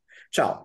A ti si potrošio, ti si potrošio struju i kapital da bi izmajnao taj blok, da bi našao ono proof of work, uh, ovaj nonce i ali stavio si više bitcoina nego što ti je dozvoljeno. Znači, čao. I, i znači, opet, majneri šta god da rade, oni mogu jedino sebe, sebi raditi problem. Znači, ako miner radi kontra pravila Bitcoina, on radi sebi, sebi problem, radi sebi gubitak. Jer to, tako, to je jednostavno tako, to tako funkcionira. A ovaj, ali ultimativno mineri su zapravo, zapravo su najviše investirani u, Bitcoin long-term success. Znači, mineri su ti koji su, po mom mišljenju, zadnji koji će, koji će ići bilo šta raditi šta bi na bilo koji način moglo narušiti e, bilo šta u, u, u, ono, u Bitcoinu, jer jednostavno imaju toliko toliko kapitala kojega su, kojega su ono, zaključali su ga u, u, u, specifično mining Bitcoina s tim kapitalom šta možeš ti raditi? Znači ti recimo da, da ne znam šta ono, da se sada dogodi da, da toliko mineri ono polude da šta, mislim ono, to su stvarno već fantaziozne stvari da ono krenu svi skupa, svi mineri se ono dogovore da će sada majna tempti blokove, jel? Ja šta, full nodovi mogu samo ono, switchat, eh, drugi proof of work uh, algoritam. I svi ASIC mineri koji mineri sada imaju, koji su platili ono milijarde dolara, odjednom ono, šta, više ne vrijede, nemaju ono, beskorisni, beskorisni komad ono kanta, kanta metala koja više ne može, ne može majnat eh, na novom bloku jer je ASIC application specific, jel? Integrated circuit. Znači, to nije all, e, all purpose computer. Znači, ljudi ne mineru na laptopima. Pa da onda ako više ne možeš majnati s laptopom, a nema veze ću ga koristiti za nešto drugo. Kao što su recimo kad su minali Ethereum, evo opet pri, primjer sa Ethereumom. Prije nego što je Ethereum prešao na Proof of Stake, Ethereum je isto bio Proof of Work. Ali taj ETH hash mining algoritam Ethereuma je bio takav da je bio ASIC resistant pod navodnicima, odnosno tako su to predstavljali, da je ono, daj, napravit, ćemo, napravit ćemo mining algoritam da ćete svi moći minati doma kod sebe pa su ljudi kupovali grafičke kartice i majnili Ethereum. Sad više kad ne možeš majnati Ethereum sa grafičkim karticama, odnosno nije ti profitabilno više jer e, ovi fork, ovaj fork Ethereuma proof of stake fork je dominantan. A, nije, nije, nije tako da su ti sve grafičke kartice sada beskorisne. Ti ih možeš koristiti za, za gaming, za raditi nešto drugo, za GPU, ono, za šta znam, 3D modeliranje, šta god. Znači, taj hardware koji, je, koji se više ne koristi za mining eh, Ethereum-a se sad može koristiti za nešto drugo. Ali to nije slučaj sa, sa, sa Bitcoin ASIC minerima. Znači, ako sutra dan Uh, više nije SHA-256, double SHA-256, nego neki drugi mining algoritam za Bitcoin. Um, ASIC mineri su beskorisni, oni su optimizirani, napravljeni samo da rješavaju ono, SHA-256, ono, da, da rade taj, taj, hashing. Tako da i to je jedan od faktora zašto mineri definitivno nisu, ono, nemaju apsolutno nikakav incentiv da bilo šta rade šta je prvenstveno njima nije u korist, ali nije niti u korist za, za network.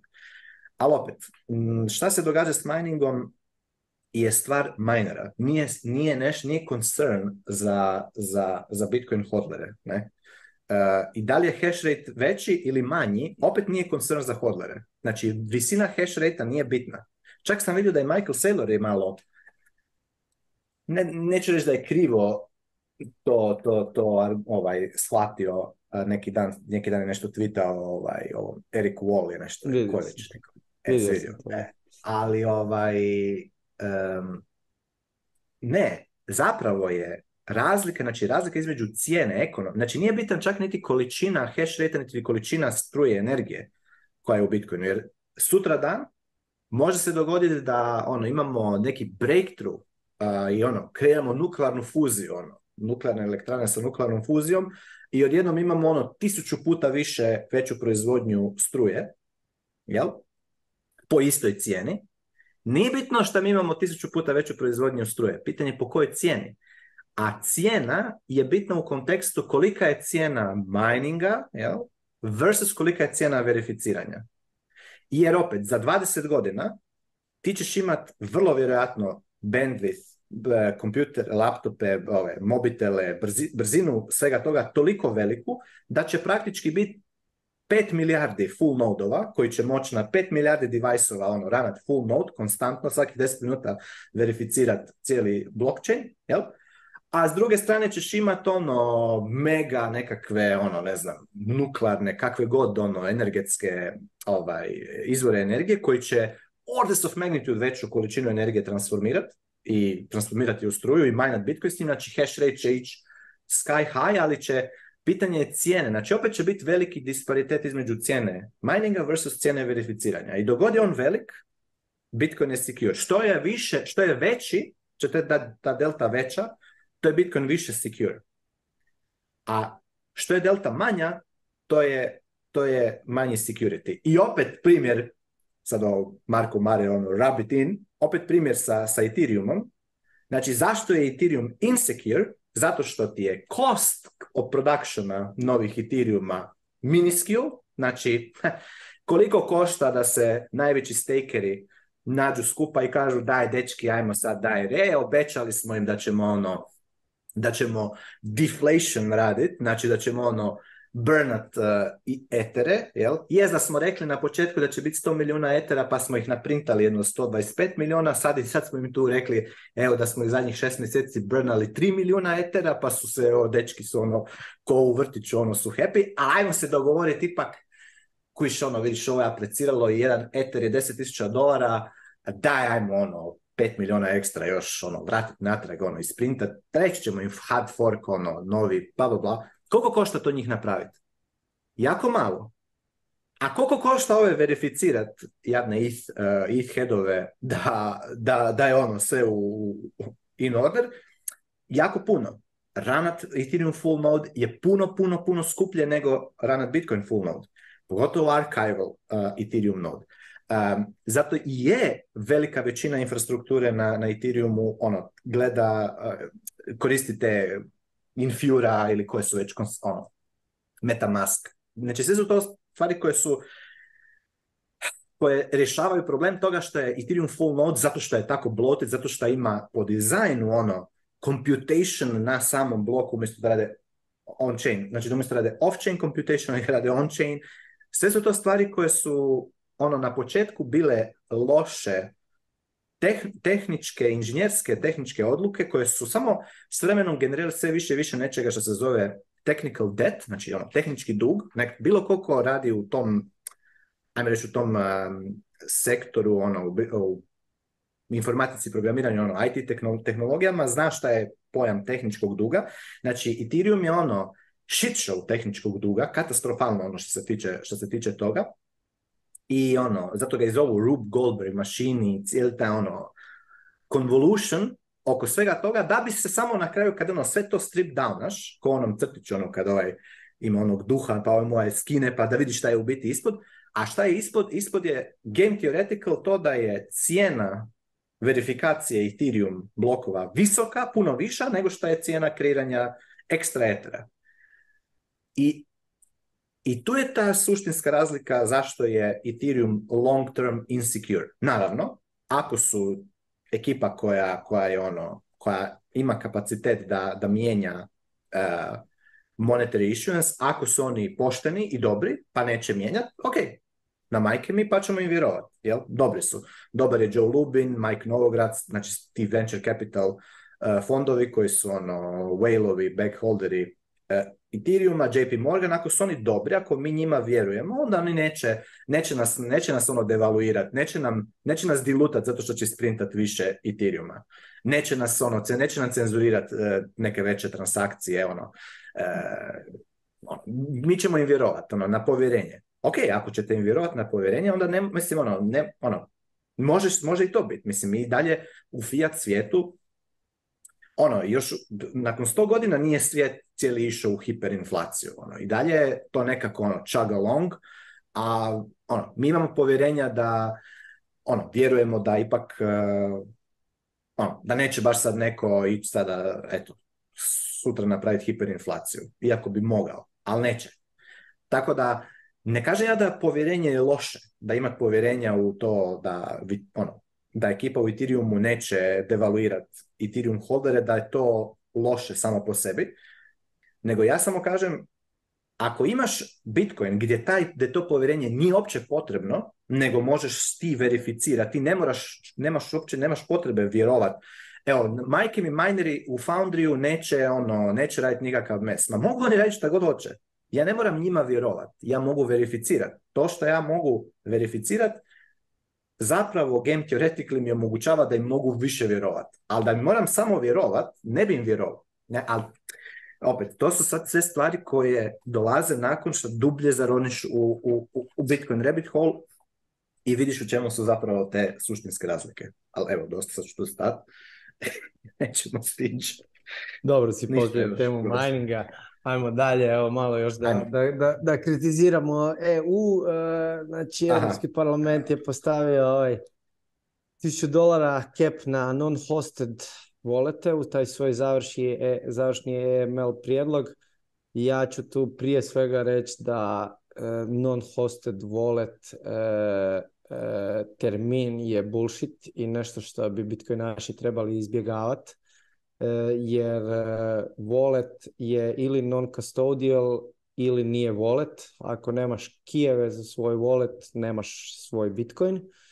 Eh, tako da mm, to je to je, to, je nešto općenito što bi trebalo izbjegavati kao bitcoinaš govoriti i prihvaćati tu njihovu terminologiju ali ovoga, ovo je nešto što smo mi najavili već, e, već par puta. EU ide pa sve strožoj regulativi prema, prema cijelom kripto Ovo nije nešto što je onako neočekivano, ali s obzirom da smo mi ipak regionalni podcast e, i treba dosta pokrivamo teme koje se tiču SAD-a, dosta pokrivamo Afri, Afriku, pogotovo zbog ono Bitcoin adopcije i to red je da spomenemo i nešto što nam je tu ipak nekako najbliže. E, nemam više ništa za dodat e, oko toga, osim da e, da je ovo za očekivati da nije nešto što mi se sviđa i da ne prihvaćate termin e, non-hosted wallet ili je wallet ili nije. To je to. Eto, ne znam. A mislim, puno puta smo o ovom pričali, šta ja znam, ne znam, jel hoćeš ti prokomentirati nešto? Nije, nije da je ovo nešto novo sad. Um, MIPs want to aggregate information on ownership of goods such as yachts, planes and cars worth over 200,000 euros or goods stored in free zones. Da. Da, mislim imaju tu naravno ove ovo je, cijeli njihov e ML prijedlog, ja sam tu izdvojio samo ovaj dio koji se tiče Bitcoina i kripta. E, naravno tu ima puno više stvari od, od, od samo, samo toga, ne, te, te, to manje više nisam ni spominjao sad. Da, u prijevodu to je ono, E, tipa ja recimo bih htio kupiti auto, jel? I sad neki ko prodaje auto bi htio primiti Bitcoin za to i mi kao ne bi smjeli napraviti transakciju. Ja e, sam ako, ako koristiš wallet. Da, znači ono, ja mu pošaljem Bitcoin on-chain e, na njegov full node i ono, to jest na, njegov, na njegovu adresu i to mi smo znači, šta, oba dva ćemo ići u pržun. Da, odnosno to, moraš... To, je, to je gist, ili?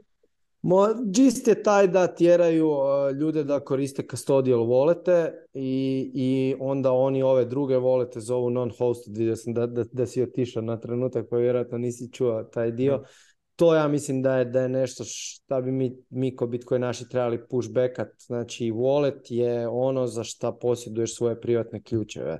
Ako nema mm. non-hosted i hosted wallet. Samo jedno od tog je wallet, a ovo drugo je bullshit. Oni te tjeraju da koristiš custodial bullshit i to je to. A ako nećeš koristiti ako ćeš koristiti wallet, onda maksimalno imaš 1000 eura cap.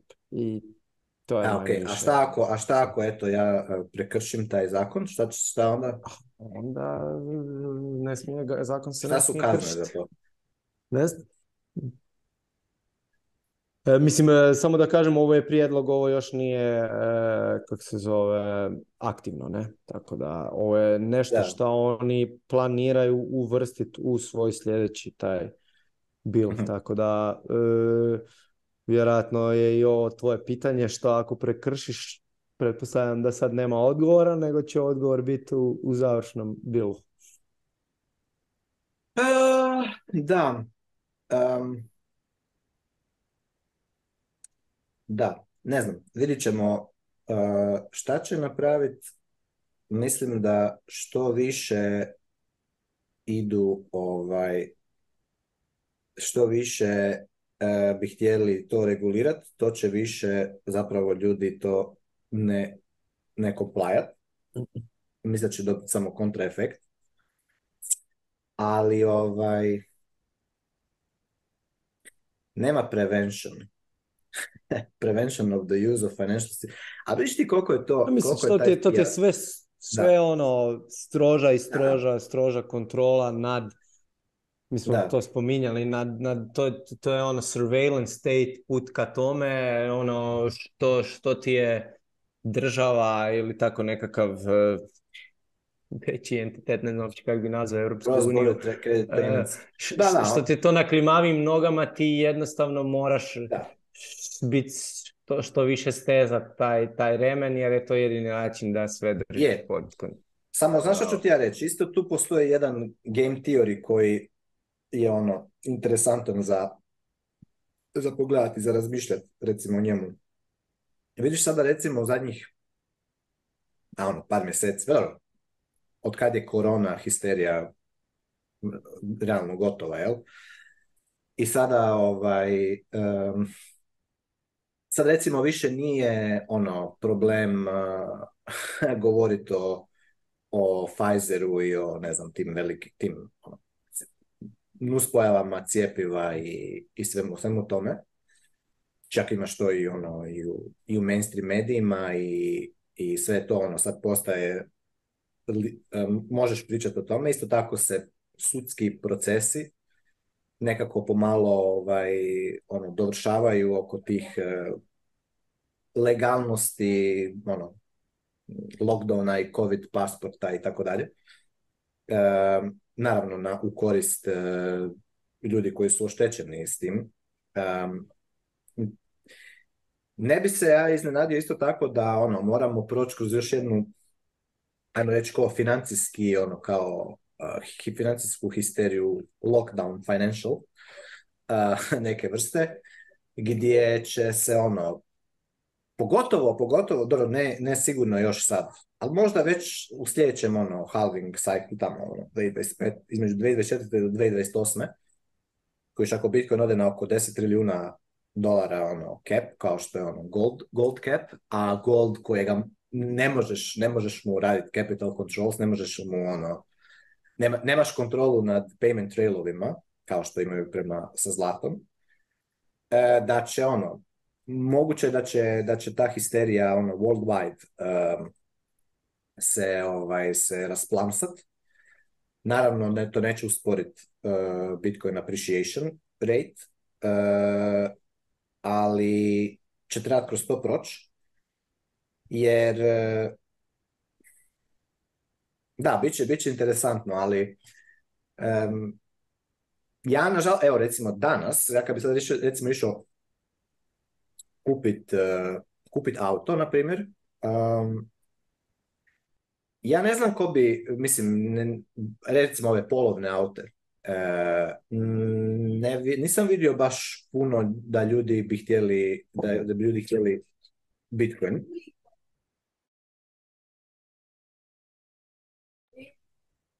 mi je, pošlo Uglavnom, e, mislim da ne bi puno ljudi htjeli, htjeli primiti Bitcoin direktno, jer nije jednostavno jako malo ljudi uopće da, da drži Bitcoina, kamoli da drže e, veliku, veliku količinu.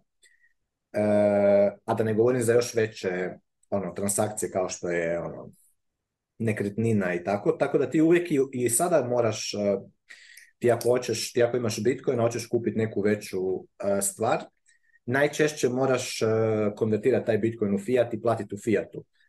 A tu opet imaš taj EML eh, e ono, KYC regulaciju jer nemaš baš tako, nećeš tako jednostavno naći likvidnost eh, u peer-to-peer transakcijama za nekakav veći iznos.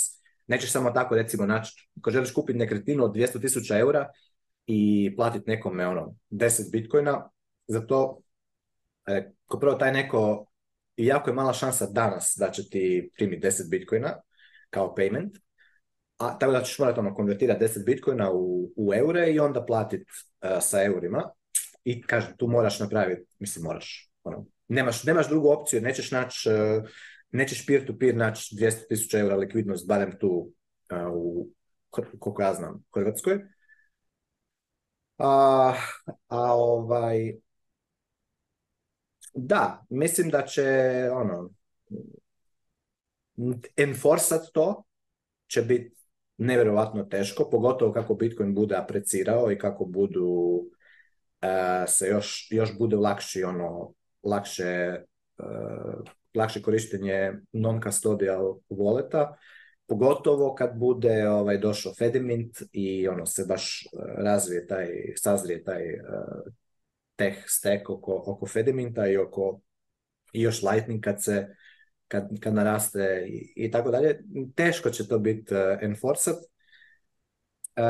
pogotovo on, on the scale, ne kažem da neće moći možda ono, single outat neke bitcoinere i ono, njih uh, natezat uh, i nam pojma šta radit, ali ono, broadly jako teško i opet na kraju krajeva je pitanje uh, da li, jer ono, opet ti imaš tu trodiobu u vlasti čak i u u demokratskim, ja sam, kažem da je demokracija je God, God that failed, što kaže Hans Hermann Hoppe, ali i u, toj, u tim demokratskim sustavima ima, postoji razlika između zakonodavne, izvršne i sudske vlasti, tako da ovo, ako i Europska unija kao nekakva nadnacionalna kvazi država,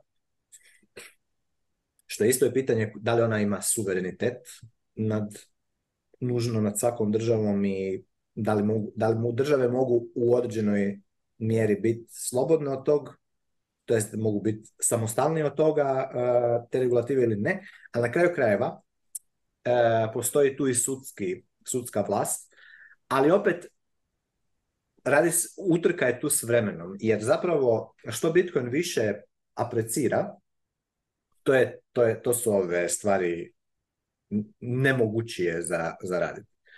Jer e, tipa dve, ono, nakon halvinga 2028. između 2028. i 2030. recimo ako Bitcoin bude na 100 trilijuna dolara e, market cap, mislim, kako ćeš, šta, ćeš, mislim, ono, nemaš, šta bi rekli, to je samo mrtvo slovo na papiru da ti možeš nekome e, zabraniti, odnosno on, on scale. Tako da, mm, ono, mene to ne, mene te, te stvari ne brinu toliko, jer on, u long termu Bitcoin fiksa i to taj overreach e, države. A na kraju krajeva ko zna šta može biti opet nakon, ne znam, godinu dana opet se mogu, opet mogu nešto promijeniti u legislativi i ono što je definitivno sigurno je da ne sprečavaju pranje novce i pranje novca i financiranje terorizma, zato što upravo su ti najviši organi e, ono državni su ti koji rade financiranje terorizma i pranje novca. Znači, e, i najveće banke u svijetu upravo rade to, facilitiraju e, pranje novca i financiranje terorizma. Tako da ovo što se prodaje ono, plebs, svijetu plebova je ono, priča bajke, a, ovaj, a mislim da je ono, uglavnom, ne se, ne se puno uh, eh, sekirati oko toga. Definitivno ne compliant, eh, ako neko ovaj, misli da, da, da, da mora nešto. Mislim, ti na kraju krajeva ako ono, misliš da nešto moraš, jer je tamo neki birokrat u Briselu tebi rekao da to nešto moraš, ako ćeš se ti toga držati zbog toga, mislim, to je opet na kraju tvoj izbor.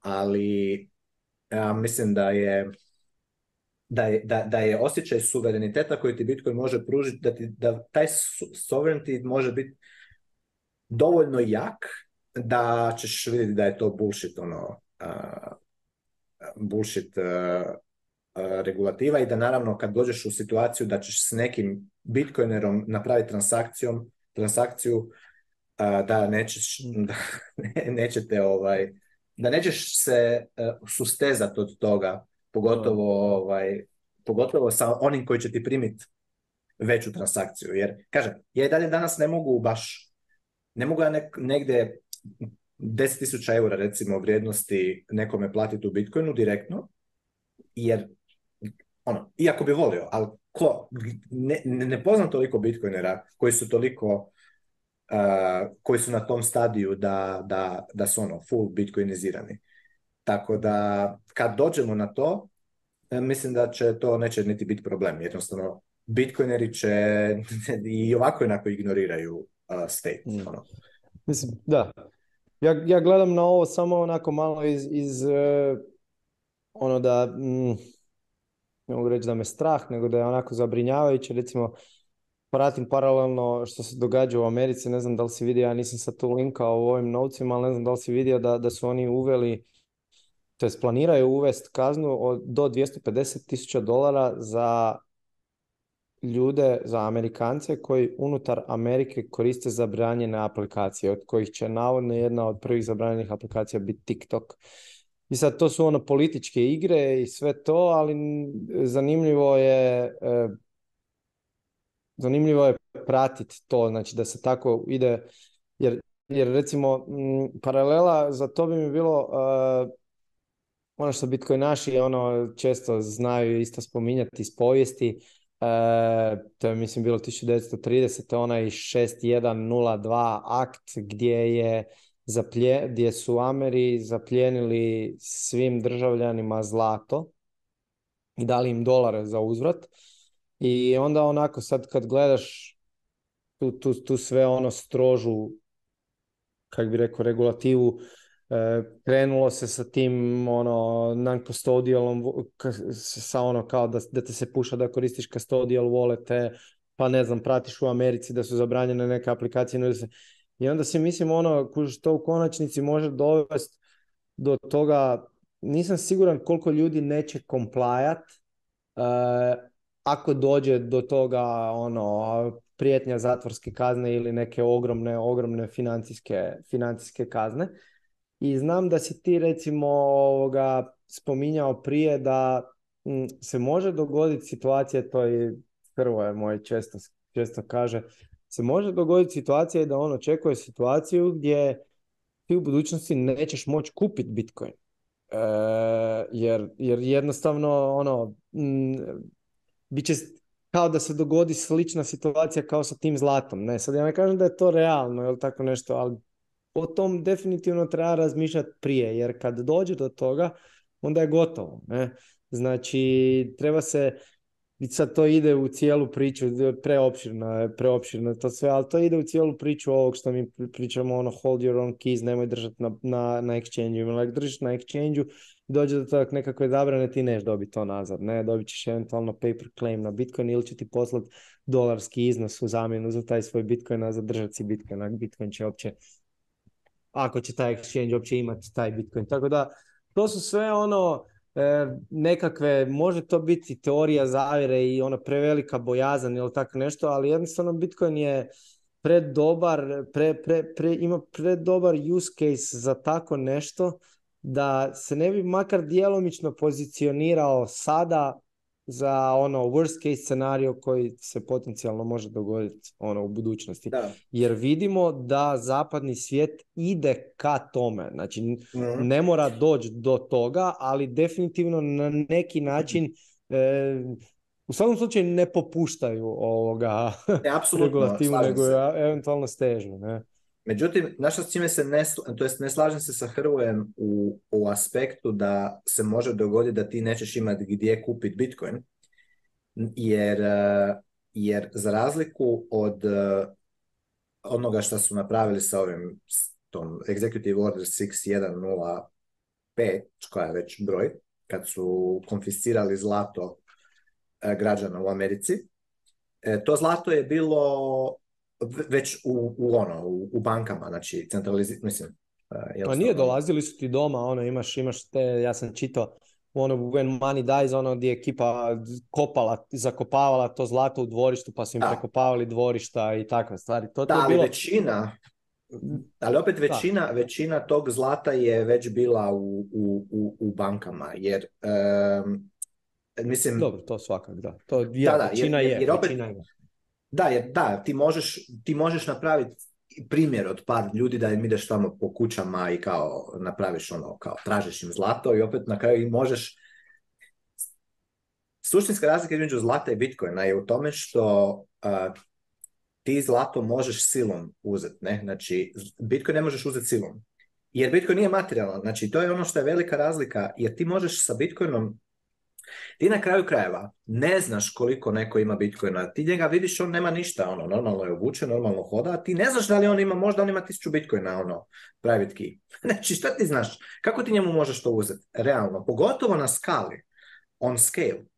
Znači, enforcement, cost of enforcement, znači ti ga gledaš europska, evo recimo, države, ili ajmo reći taj global government, kad ono, big one government, ono, world government, ono, totalitarni one government koji kaže ni slučajno da vas nisam vidio da tradate u Bitcoinu. A pa je pazio, ono, Bitcoin je 100 trilijuna dolara. Znači, zamislite sad tu situaciju, imaš paralelno ono, one world government, big, koji kaže ni slučajno da vas nisam vidio da tradate u Bitcoinu. A ti znaš da oko tebe 20% populacije, na svaki peti čovjek e, je ono, bitcoiner i ima, ima bitcoin. I svi ono, ajmo reći, svi kao, da, da, ne, mi, mi, nikad. a, a, a, a opet s druge strane, tradaš jer razmeniš informaciju koju ti ti, ti, ti ne moraš za razliku od zlata. Kako bi mogao neko da One World Government kaže da vas nisam vidio da tradate u zlatu? To je puno lakše enforce. Zato što da, ja mogu možda se onako sakrivati, ono, imat par zlatnika tu i ono, da, ajde, da nas niko ne vidimo tu, da, da kao što se sad, sa, drogom radi. Ali, e, definitivno ne, jako teško skupo prekogranično plaćanje u zlatu raditi i ono, kosti, zato se zlato centraliziralo. A kod Bitcoina, ma kako ćeš ti to enforce? ma mislim, to je, više sam ja cilj, znaš, na zastrašivanje, ja se slažem s tom, užasno teško, ali mislim, zastrašivanje, ali... ali zastrašivanje, država može zastrašivati država će biti sve više e, capable u smislu projicirati nekakav strah. Ali ja mislim zapravo da šta ona više capable actually da projicira strah, u smislu ono te svoje ono prijetnji i propagande zapravo je više ono što bi rekli paper tiger. Actually njen bajt nema bajta. E, mislim da je to bilo vrlo slično kao, što, kao, kad, su, kao kad je bilo korona. Korona histerija. Ono, da, katastrofa, lockdowni, nema covid pasporti, e, ono, e, maske, sve to skupa. Realno, realno, e, masa ljudi, mislim masa, neću reći da je sad, da su, da je većina, da nije komplajala, većina je komplajala. Postoje jedan broj ljudi koji nije komplaju i nije ih, nisu ih ono, no, mislim, da je padalo, padao je s mjesecima broj ljudi koji je compliant. Mislim da je u startu compliance bio na vrlo, vrlo visokoj Vrlo visok, tako je, u startu. Ali ono, naravno, kako su se ljudi, ono, da. kako su skužili da neće ono ljudi ono umirat na ono svaki sedmi čovjek da će past mrtav na ulici, kad su shvatili to, opet je većina komplajala, koliko god, je bila ono, koliko god je zahtjev bio sulud, ali su ono, komplajali većina, ali opet hoću reći da je jedna manjina nije komplajala.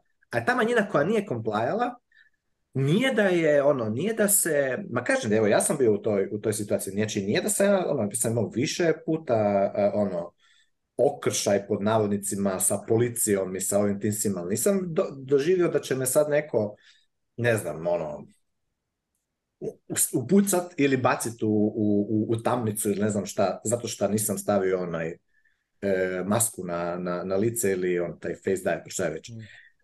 Hoću, reći, e, e, a, a sad pazi ovo. Banning Bitcoina, možda jednu, jednu epizodu bi mogli cijelu ono staviti na tu, na tu temu, da to, to stvarno jedan put, once and forever, um, raščistimo. Ti da banaš, ti, ti kad, kad dođeš u situaciju da država pokušava zabraniti Bitcoin, ili ono hyper drakonski ono zakon staviti oko Bitcoina tipa ne znam 99% porez. Da, ali ti pazi, ovo ti čak ni nije zabrano, ovo ti je tjeranje ljudi da koriste paper Bitcoin, kuš, jel, ja, ja oni ne idu generalno ka zabrani, mislim da smo taj dio e, riješili, znaš, nego je baš baš u tom ono da te, da te pušaju ono koristi KYC Bitcoin, koristi taj, kako oni vele, non-hosted wallets nisu dozvoljeni, samo hosted wallets, što je zapravo nije wallet i to znači... Da, ali šta pazi, znači tu zapravo na, na to, taj dio e, se svodi na to da, e, da država uspostavi kapacitet da oporezuje Bitcoin, zapravo. Jer, ajmo reći ovako, ako ćeš ti napraviti transakciju sa Bitcoinom, zašto je tebi problem da je ta transakcija KYC i ono, za, zašto, zašto je to problem? Zato što ako je država u, ugura neki nenormalni porez, ogroman, a ti si KYC-an i država zna da si ti napravio tu transakciju, onda će te ona ganjati za taj, da, da ti platiš njoj taj porez. A, ovaj, ako nemaš KYC, nego ako si napravio transakciju ono privatno, onda država ne može ubrati tu svoj porez. Znači, to je zapravo crux of the matter. To je ono gist. Zato je KYC je zato problem. Znači, meni nije... Dobro, naravno, i isto tako ja ne želim nužno da neki XY birokrat zna koliko ja imam novaca, zato što to nije, to je zadnja stvar koja njega treba u životu zanimati. ali, ali čak i to nije toliko problem uh, koliko je problem tax, taxing. Jel? Ali tax, taxing je opet pitanje game teorija. Kako, koliki je kapacitet države da, da teksa. Jer ako će recimo ovaj, ovaj, ovaj zakon što sad pokušavaju napraviti e, u EU, uniji, ako će oni njega, znaš ono, imaš one videe kao if, if this company was honest, znaš, pa kao ako bi oni bili honest i rekli šta bi oni u biti htjeli, oni bi u biti htjeli teksat više teksat, taj oporezivati više kripto, bitcoin, šta god. Šta god, samo da mogu otvoriti više izvora financiranja za državu, za taj cijeli state, jel? Jer e, cijeli, ono, trenutno su u situaciji da, ono, e, ako će se, ako, to jest, ako krenu opet u, u, money printing, inflacija će opet skyrocketat. Znači sad se moraju ono istovremeno boriti sa inflacijom, kako će, koji ko, ko izbor ti ako ne možeš ako printanje ono odmah, odmah diže inflaciju, e, znači onda ono, šta imam? Imam porez, oporezivanje ili reduciranje troškova, znači ono, otpuštanje države. A to, to nikako ne bi htjeli, naravno, e, to je ono, zamisliti sad nas, ono, da mi sad, i actually, mi euro Brisel birokrati više nemamo svoje svojih, ne znam koliko oni imaju plaće, oni nisu to male plaće, to je 10, 10, 15 tisuća eura mjesečno za ono strokanje tamo, fantaziranje e, šta, šta bi kao ljudi u Europi trebali raditi. A ovaj, e, nećemo naravno mi sebe, mi sebi dati otkaz, nego šta nam je još odjedno preostalo, aha, ajmo vidjeti način kako možemo još, šta možemo još oporezivati. E sad, ja mislim, i to smo pričali na Sefidinovim seminarima više puta, da e, taxing Bitcoina znači će doći definitivno, ono, opor, šišanje, šišanje, šišanje Bitcoina. Da. A, I kripto, kripto još lakše i prvo, ali Bitcoina definitivno će doći. Međutim, to će biti kroz custodial exchange Znači, imaš u državi, u, ne znam, u Belgiji neki exchange, custodial exchange, di ljudi drže Bitcoin ili drže ga u nekakvim eh, mirovinskim eh, fondovima, nekakav, hold, ne, uglavnom neki kastodijan gdje se nalazi, ne znam, 5000 bitcoina i država naravno za to zna i država je ono bankrupt, ne može printat, ako printa ono, inflacija skyrocketa, a otpuštat e, teško jer ima masu sindikata ovih onih e, interesnih skupisi su naljepljeni nekako naslonjeni na državu, pa kako će sada to? E, ajmo teksat. I kako će teksat? ha Texas će tako da će jednostavno ono, at the gunpoint uzet bitcoine na custodial exchange-u. Jer to je ono što je low hanging fruit.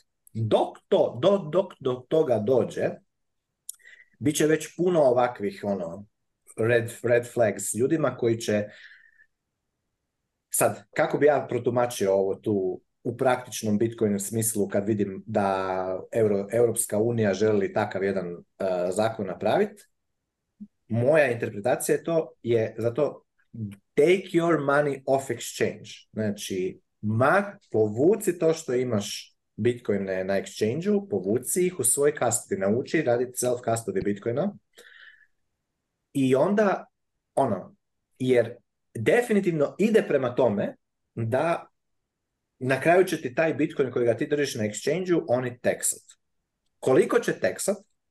Možda, će, možda čak i neće teksat više od petine na kraju cijele balade. Možda ti jednostavno možeš reći, ok, dobro, ja ću u životu ono, ne želim, recimo, ne želim, ne mogu, iz bilo kog razloga ne mogu ono biti u self-custody Bitcoina, jednostavno sam, iz, kažem, bilo kog razloga, ali želim biti u Bitcoinu, želim biti ekspozan ja ću biti svjestan da danas, sutra, za 5 deset godina, ono, definitivno će mi ošišat, uzet će mi petinu. Ako sam ušparao 100 bitcoina, 20 bitcoina će mi uzet.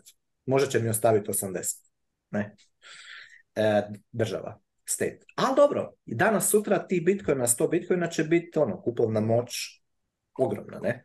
Pa država će mi ošišati 20%. I to ako ostavim to na, na kod kastodijana koji je capturan od strane države. Ali ostaje isto tako treba uzeti u obzir da u međuvremenu taj game theory, taj razvoj e, Bitcoin protokol, mislim razvoj generalno servisa kao što su Fediment i, i Lightning Networka i svega, drugoga, će se isto razvijati. I isto će puno ljudi puno lakše take, take custody of Bitcoin. Tako da uh, ovakvi samo znakovi, samo po meni, trebaju biti ljudima znak take your Bitcoin off exchange. I to isto sad recimo u Americi ovo kad rade taj crunch uh, crackdown na, na exchange-eve, bitcoineri, vidiš ih na Twitteru, kažu take your coins off exchange. Take it off... Balaži je to napisao. Take, take bitcoin off exchange. Jel? Jer idemo u hiperinflaciju. ne idemo u hiperinflaciju, ali da, take your bitcoin off exchange. Jer eventually doći će ti šapa te, te, te desperate države, će ti doći na tvoj Bitcoin na, i na exchange Jednostavno će ti ga uzeti. A ti si sad, za razliku od zlata, ti u zlatu ne možeš raditi prekogranična plaćanja na bilo kakav efektivni ekonomski način bez da imaš zlato deponirano kod, kod banke. Ne možeš, zato što, zato što je za, za poslat zlato, zlato ima jednostavno prostornu utrživost puno, puno slabiju nego što ima Bitcoin. Bitcoin možeš postati gdje god hoćeš po istoj cijeni sa, i bez obzira koliki iznos. Da ću ja postati 100 bitcoina ili 1000 bitcoina ili 0,1 bitcoin, da ću ih poslati na nekome ko sjedi metar od mene ili nekome ko je 5 km, 50, 100 ili 1000 km od mene udaljen, jednaka je stvar. Ako zlata to nije slučaj. Jel? Znači, zbog toga tekajte Bitcoin off exchange, ne se sekirati oko toga šta huffing and puffing države, ne naravno niti to samo svačat kao a kumba ja, ne, ali ako ti država kaže ono, mi bi htjeli svoju, to uvijek znam reći ovoj Ivi, ono, htjeli biti ono staviti svoju šapu u tvoju onu kasicu prasicu, jer to je ono što država u biti je, jel? uvijek će naći neki razlog zašto tvoju kasicu prasicu treba ovaj, treba ošišat. ono, ti da se od toga zaštitiš, ono što možeš napraviti, opet, self-custody, nauči self-custody. Nauči kako se, kako se drži Bitcoin. Information security, odnosno ono. Sve, to, sve te stvari to lijepo nauči. Imaš, ima vremena, nije, nije tipa hitno, sad sutra morate krenuti. Ali, ono, napraviti se nekakav plan u narednih par godina. Definitivno u ovim ciklusima od četiri godine ono ne treba sada po meni prepuštati to ajmo sad nema veze, pa kad bude bilo, pa ću se onda sa tim za to pobrinuti. Da, šta kažeš ti, bilo bi dobro sad već ono, se pobrinuti oko toga da, da te takve stvari neće afektirati u budućnosti. A možeš se pobrinuti opet, samo nauči lijepo self-custody, makni to što imaš. Ako hoćeš još ići step forward, napravi coin join, ono, E, ono, budi, što bi rekli, under the radar. I, i bit će se u redu. No. A opet i pitanje je kako će se sve to i dalje razvijati, jer... E, da, to, to je samo nekakva spekulacija, tako je. Spekulacija, samo sam htio reći, znaš zašto je pitanje kako će se dalje razvijati? Recimo, ima, baš sam gledao jučer jednu, jedan podcast, e, pričaju stalno o ovim energy struja, power, kako se zove, power nešto.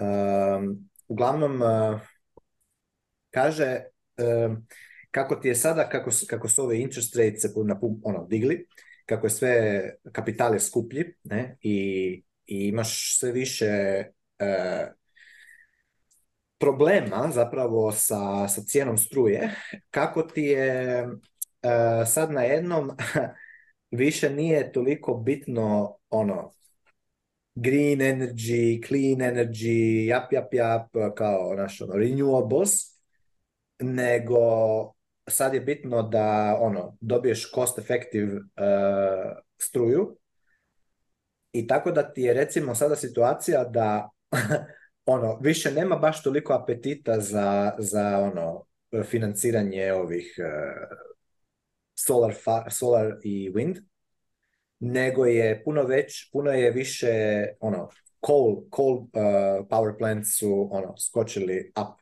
Sad će neko reći, a, ugljen, to je sve će biti ono crna čađa ono, u zraku i tako dalje.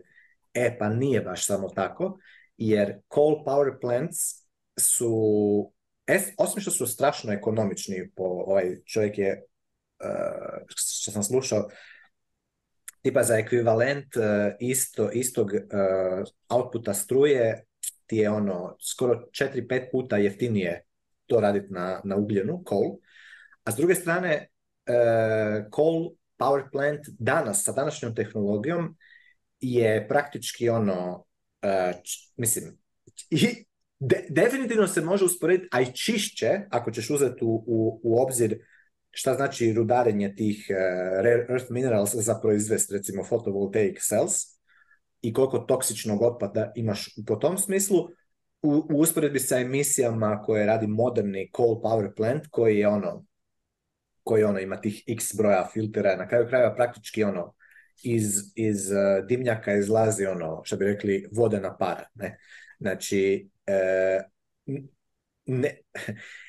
mislim da će se još point, point svega toga je da će se, da će se definitivno a, mnogi ljudi po pitanju toga šta zapravo u ovom environmentu, gdje više nisu ono zero interest rates, nego gdje se gdje je ono, inflacija je, visoka na potrošačkoj košarici, nekakva fantazmagorija i, lude ono fiat histerične gluposti oko, oko bilo čega više ne prolaze tako lako. Um, jer, jednostavno nema ko to plaćati više. Znači, sad se ajmo reći, postajemo ono, ko da, ko da ono, world is growing up. Tako da, i u tom kontekstu ne treba se pretjerano sekirati šta neki ono birokrati koji su još uvijek mentalno u ono zero interest rate environmentu šta, šta žele e, napraviti. Ja mislim da će more likely biti situacija da će se jednostavno države kao takve i kao veliki ti birokratski entiteti morat pomiriti sa činjenicom da in the future će i bi, jednostavno će, bit, će se šrinkat, bit će manje. Jer uh, iz, izcucali su taj, taj fiat uh, money, money, money spigot, još jedan put će ga moći odgoditi do 2030. cirka, ali, znači još ono taj final kao kolaps, ali, ali čak i u međuvremenu će morat se jako, jako, što bi rekli, stegnut remen. jednostavno je to tako. Nemaš, nemaš ti više prostora za, za, za zaduživanje. Svako, svako ekstra, ono sad spuštanje kamatnih stopa na, na jako niske e, razine, e, ono, samo će eksplodat inflaciju. Tako da Eto, to je komentar. Da. Imamo još tu, najavio sam na početku da ćemo malo više o Bitcoinu, prošli smo četiri teme, nismo previše o Bitcoinu, ali pa dobro. da. Nema veze. Ima, možemo, ona, ima, ima vremena za sve pokriti. Ne znam šta imamo sad tu još, e, da je MicroStrategy, tu ne moramo se previše ni zadržavati, MicroStrategy kupio novih oko 650 6,5 tisuća bitcoina, to je, to je, to je, to ono, vratili su onaj dug. Da, vratili su dug, dobili su 22% popusta na taj dug i, i to je to, manje više sad imaju skoro 140 tisuća bitcoina, Sailor, Sailor nastavlja ono što je Sailor radio, nema tu ništa novo.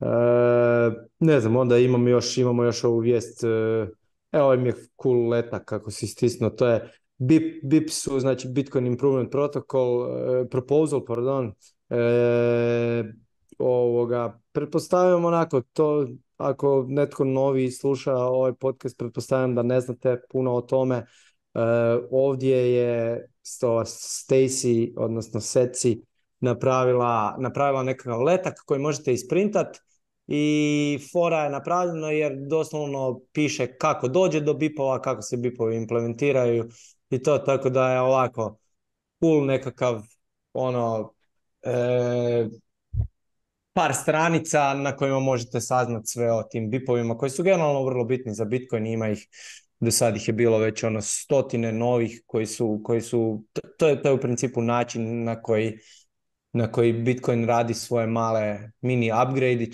i ovoga, fora tu vidjeti na koji način dolazi do njih i, i mhm. sve to. Eto, to je to šta još i onda imamo, imamo, imamo strajk koji se nastavio širiti, pokrili smo prije, prije ovoga, mislim dva ili tri tjedna vijest da su se proširili na Filipine, sad vidimo da su se proširili u Vjetnam, znači pucaju na tu e, jugoistočnu Aziju, te mnogoljudne države gdje mislim da je kod strajka sve vrlo jednostavno, ciljaš na države e, gdje jako puno E, tih državljana živi u Americi i šalje remittance payment nazad doma, želiš sve njih capturati i zapravo uloviti to što imaš veliki edge odnosno na, na, na, na Western Union i, i slične te provajdere u tradicionalnom financijskom sustavu koji su ultra, ultra skupi. Tako da to je to, je to manje više jasno je, jasno je zašto rade i na koji način se oni šire. E, I onda imamo Imamo onda ovih par lightning, lightning stvari, recimo Collider Wallet koji smo najavili ovoga, isto na jednom od prijašnjih podcasta, ja mislim da, sam to, da smo top ti ja pričali ono kad je bio jedan od, od njih gost kod Martija, pa, pa ne znam točno više sad koja je bila tema, ali tad smo spomenuli, oni su sad izašli van. E, fora je u tome da, da znači, oni su bra, browser-based Lightning i imaju Noster extension, E, znam da si ti meni pokazivao kad smo pričali o Nostru, si mi pokazivao i one takve albi koji koristiš na, na, na Stacker News i to. Mislim da, da će ovo biti još jedna od, od opcija e, za, za tako nešto. Ne znam previše o to, možda da su nam Lux ili Pavle tu, možda bi znali više, vjerujem da oni više prate ovoga, taj Lightning Development, ali eto, to je to je manje više to. A, a vidim, samo ovo me zanimao, kako drže taj synthetic stablecoin u biti ovo nije da ti, da ti držiš uh, token Coin, Tether ili bilo koji drugi, nego ti držiš uh, a, od otvorenu short ovaj Da. Znači, ti u biti držiš uh, Satoshi balans koji se konstantno mijenja s obzirom na, na price eh, i tako da uvijek drži, da uvijek držiš recimo jedan dolar vrijednosti Satoshija. Mm. tako da short contract cijel. Uh, eh, da. Ono je zanimljivo, zato mhm, Meni je ovo fora, ja, ja nisam ovo vidio iskreno kad sam proučavao, ali E, kak čitam sve Arturove članke, znači na ovom Bitmex Research blogu, Artur je prije par tjedana izbacio jedan post e, gdje je doslovno dao kao svoju ideju kako riješiti e, e, stablecoinove, na koji način. Mhm. I ona u principu je kao dao svoju ideju i rekao, gle, ovo je moja ideja, ako E, se neko želi poigrati s tim e, i dovoljno ste pametni, slobodno je uzmite i napravite nešto. A jedna od ideja, odnosno glavna teza u ideji mu je bila, sad ne sjećam se doslovno svega, nisam to toliko e, pažljivo čitao, ali jedna od teza mu je bila sa tim shortovima ubaciti, znači da zapravo možeš imati sve u Bitcoinu, međutim onda moraš složiti taj stablecoin da on ima kao short poziciju u sebi i na taj način je to riješeno i sad čini mi se da su ovi, ne znam, trebalo bi to povezati jedno i drugo, pročitati Artura još jednom, ali čini mi se da su ovi to riješili na taj način, makar, makar ovoga, makar djelomično. Aha, i ovaj da, Bitcoin mhm. e, da, to, već ima, kažem, e, definitivno se to može napraviti. E, jer ovaj, jer ovi imaju to u, u imaju dolare, dolari Bitcoin u, u istom mm. Da, da. Tako da, super, neka, neka, evo vidiš. Još jedan, još jedan od, od, od argumenta zašto, je, zašto će bilo kakav eh, crackdown biti jako težak. Kako ćeš, ti, mm. ovo, kako ćeš ti ovo spriječiti? Kako da. ćeš ti ljudi... Ono? A evo ti onda još taman nastavno kako će još jedan crackdown biti ova sljedeća root blinding što je mm. zapravo opet bi nam bilo bolje da su nam tu Lux ili Pavle, ali e, ovo je način za putem kojeg je poboljšan privacy u, u, u Lightningu. Sad, tehničko, u tehnikalije ne bi ulazio, evo ima tu kratki ovaj snippet od ovaj Nifty Nei, pa ono, možeš to tu ostaviti ko si hoće pročitati ili, ili, ili link. E, ne znam, velim, previše o tome, ako ti znaš slobodno me nadopuni. Ne, ne, nisam, nisam, nisam taj dio ovaj, E, pratio, tako da e, mislim generalno ono što definitivno je, znam da sam slušao na Stefan Livera par podcasta vezano za Lightning privacy i da ono nekakav gist je da ono nije perfect, postoje načini kako možeš ono raditi one, kako se to kaže oni um, probe, payments da, da kao možeš nekim heuristikama ono doći do, do, toga koliko kakav je taj channel graf, network graf e, za, za nekoga koga želiš naći, ali je to dosta teže nego što je Bitcoin on-chain, tako da Lightning u tom kontekstu je više private nego što je, nego što je on-chain, a i on-chain je već dosta private jer realno je ono nije tako teško se ono...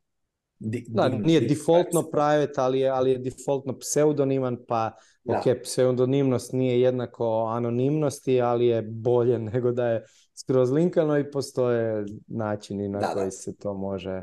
Ali opet i to će samo, znači vidimo, jednostavno to ide sve sve bolje i bolje i sve više i više, više privatno i sve više i više će još biti privatno kako budu sve više i više ljudi koristili taprut jer opet ono čak i u Taprutu, ti sada recimo kad gledaš, e, kad otvoriš Lightning, e, Lightning channel, ti, vidiš na transakciji da je Lightning e, channel, da je to Lightning channel, jer je ono dva od dva multisig, ali kada i vidiš da je taj type adrese, odnosno transakcije, ali kad vidiš Taproot, recimo ti ne znaš uopće šta je, to je moglo biti ono single one, ono on-chain payment, ali mogao je biti nekakav Eh, lightning Open ili Lightning Close, sve uvijek ista, sve uvijek ista adresa, tako da i to će isto poboljšati eh, privacy, tako da uglavnom, sve to ide, sve to ide u dobrom smjeru. Da, tako. Neka, super. Evo, onda ovo, ti si više, ti si ovako iz startup svijeta, dolaziš makar u prošlom životu, pa mi ovo mi je bila fora, ovo mi je bila fora ovoga vijest. E, y Combinator je, koliko ja znam, najveći što su oni fond koji investira u startupe na svjetskoj razini. Pa, akcelerator neki, da. Akcelerator, tako nešto i mislim da je ovo po prvi put, barem gdje sam ja naletio, da su fundali ono Bitcoin only startup. Ja za ove nisam čuo, ali oni na neki način pokušavaju pojednostaviti self-custody, multisig, valjda sve, sve su tu spiku, TEA se zovu, eto, ovdje sam čisto, mislim da je ono, standardno, koliko nisam sad pročitao koliko su oni dobili, ali mislim da je standardna cifra neka koji Y Combinator startup i dobio je oko pola miliona dolara, što je stvarno super ono za, za, za kickstartat nešto, tako da eto, ovoga. to sam čisto ovako ubacio, vidio sam tu vijest, pa, ono. Da, da, mislim, generalno je ok, eh, venture-backed startup E, mislim da je etos e, Bitcoin, e, Bitcoin developmenta prije ovo, oni bootstrapa što bi rekli, uh, svoju kompaniju, više recimo Nančak je već, već way, way, way ahead, a definitivno nije nikakav money raisao, nego će jednostavno zarađivati novce kako bude, ovaj, kako bude stvar išlo, tako da generalno ja sad sam nekako u fazi da kad vidim da je nešto backed by uh, Y Combinator ili bilo koji ono VC, mislim da je mislim da imaju oni jako puno misalociranog kapitala generalno koji se mora još pročistiti sa ovim high interest rateovima, tako da. Ali nikad ne znaš, mislim, uvijek ko zna, ono, definitivno nešto šta ćemo vidjeti kako će, kako će izgledati. Ali dobra je stvar da, je, da imaš competition. Da, i, i, i, ono, onako, ide ka, ka toj mainstream adopciji. Znači, ono, vidimo da. sad da i Bitcoin only firme e, dobi, ono, prije doslovno godinu, dvije, ovo bilo nezamislivo. Ti ako si bio Bitcoin only i htio si rezati, ok, jasno mi je tvoje mišljenje koji smatraš da nije ovoga, ono, nisi za taj, taj venture back, startupe, ali ovoga, činjenica je da ako je netko išao tražiti backing, da u principu ko Bitcoin only kompanija ga je teško dobio, zato su i nastali oni, kak se zove ona od od Odela, Martija i onaj Ten VC, tak nešto se zovu, znaš, da. onaj Bitcoin only, eh, koji su onda ono, generalno su Bitcoin naši zapravo pulali zajedno novce i napravili taj neki ono kvazi kvazi, kvazi fond kako bi fundali baš Bitcoin only firme, ali evo sad vidimo da to ono je došlo do, pogotovo, do, kroz mainstreama. Jer Bitcoin venture capital e, space je bio praktički ono fokusiran na, ili na ono kripto at large kompanije ili na Bitcoin only, ali Y Combinator je ono, on ima diversificiran ono što bi rekli industrije startupa koje, koje fanda, tako da Airbnb je recimo jedan od Y Combinator, ono, Stripe, uh, Reddit. To su sve ono, ono kompanije koje su počele ili su barem bile dio Y Combinatora, oni su stvarno prošli puno. Ja sam ono, dok sam bio, što bi rekli, u startup svijetu, uh, volio čitati ovoga blog od ovoga, kako se on Odli, e, da, znam, odličan ne znam da. kog misliš, ne mogu se sad ni ja Njihov, njihov founder, jel? Founder, ja da. Ja mislim da ja njega čak i followam na Twitteru. Te mudrosti kao, naš ono, u startup svijetu, e, koje su... A opet je fora kako u biti, ono, u Bitcoinu te neke, ono, wisdomi u startup svijetu su ti tako self-evident danas meni, ali eto, e, neka, neka, dobro, dobro je to. neka rade. Nekih razvija. Pa da, da. Vidjet ćemo, vidjet kak, čisto smo spomenuli, nije da imamo neko izraženo mišljenje. Ovo nemam pojma, ovo sam ovak, evo, to sam pobros no bullshit Bitcoin, ovu zadnju jest što se sad stavio, linking line. E, netko je pratio i spekulira da postoji entitet koji povezuje Bitcoin transakcije i IP adrese Ovdje je to vrlo detaljno opisano, pa čisto evo, ako je netko zabrinut oko toga, ako neko to zanima, nek si, nek pogleda na, na ovom linku. Ja moram priznat nisam ono ulazio u, u detalje, detalje ovoga, više sam samo to linkao. Da. Mislim, to je, to je moguće i ono, u principu svakako ako, ako ranate Bitcoin e, node bi bilo dobro da se na internet spajate putem VPN-a. E, općenito korištenje VPN-a za sve je, je ono, best practice. Jednostavno, ono, e, VPN nema mana, ima brojne prednosti i ono skrivanje privatnosti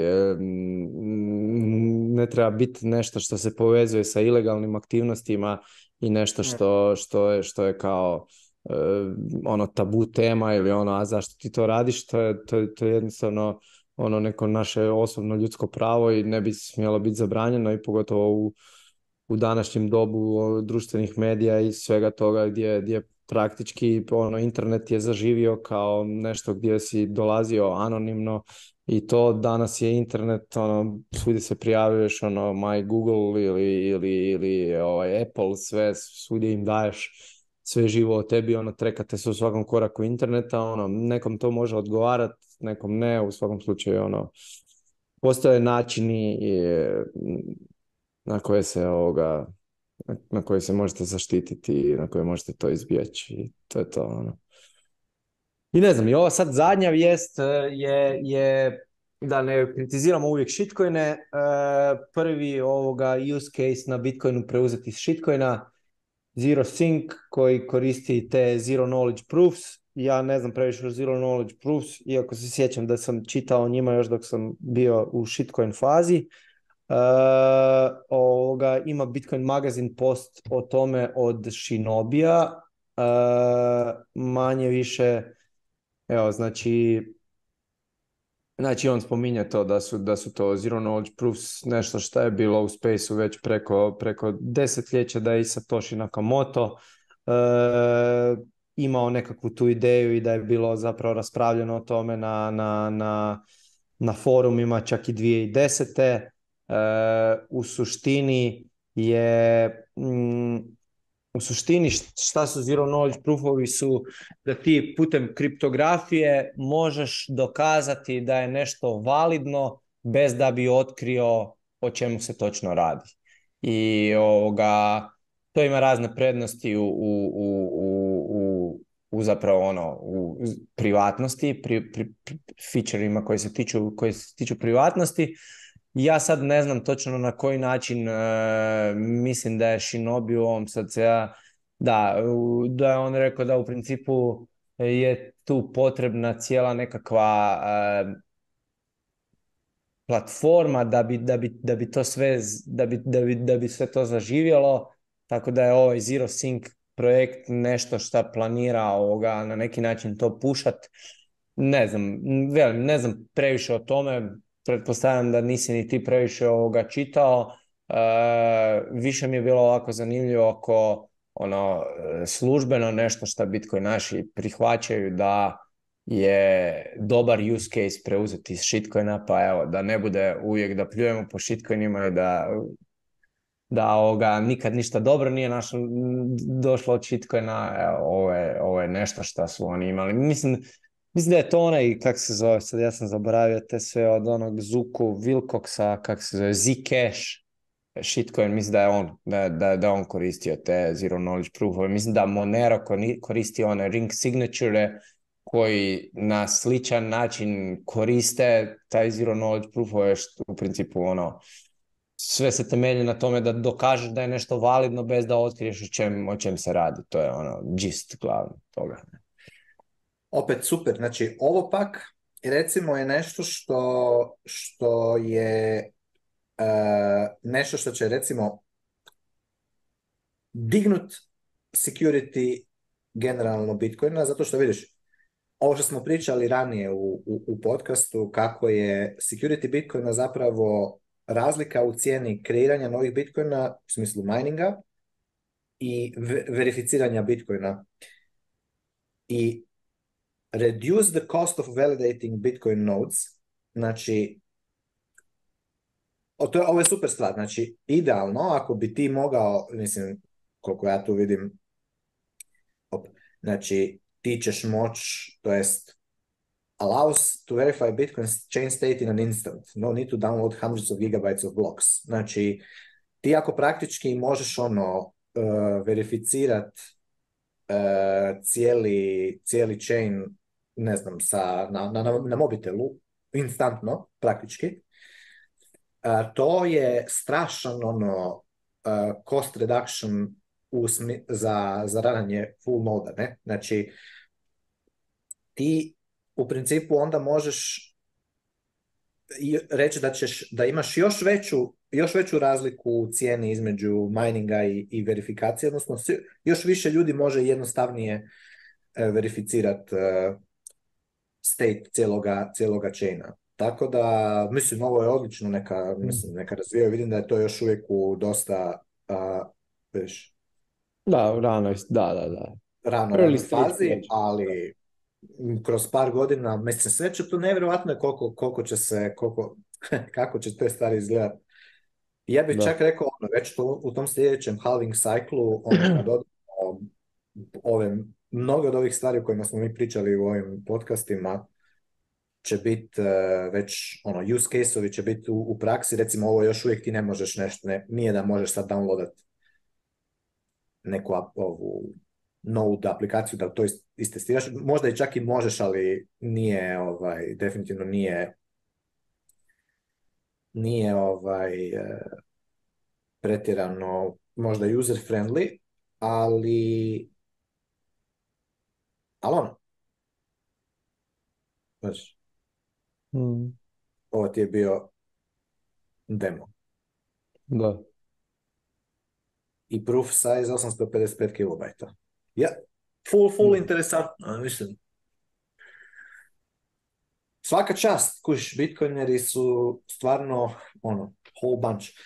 Možda su zakon, da. da. su zakon. Znam da sam ovaj, dobro, to možemo pokriti u sljedeći, sljedeći tjedan, ali znam da je bio isto onaj, e, negdje cirkuliralo sad ovaj tjedan na, na Twitteru da je neko napravio onaj kao video za, za korištenje otpada na farmama za, za majnanje bitcoina. Mm kao to isto se ono, svašta se, svašta se još, mi ne, stignemo sve pokriti ono, da. a tu pričamo već dva sata i, i više, tako da, eto, nastavite dalje stekat samo i i sve će biti super. Imaš ti Nikica neku poruku za... Evo, vidimo se sljedeći tjedan. Sljedeći tjedan će biti 52. epizoda ovog podcasta, znači da... A da? Ako ju, ako ju snimimo, znači da smo snimili svaki tjedan i to je nekakva obljetnica ovoga, godinu dana ovog podcasta. Tako da, eto, slušajte nas i sljedeći tjedan. pozdrav. pozdrav.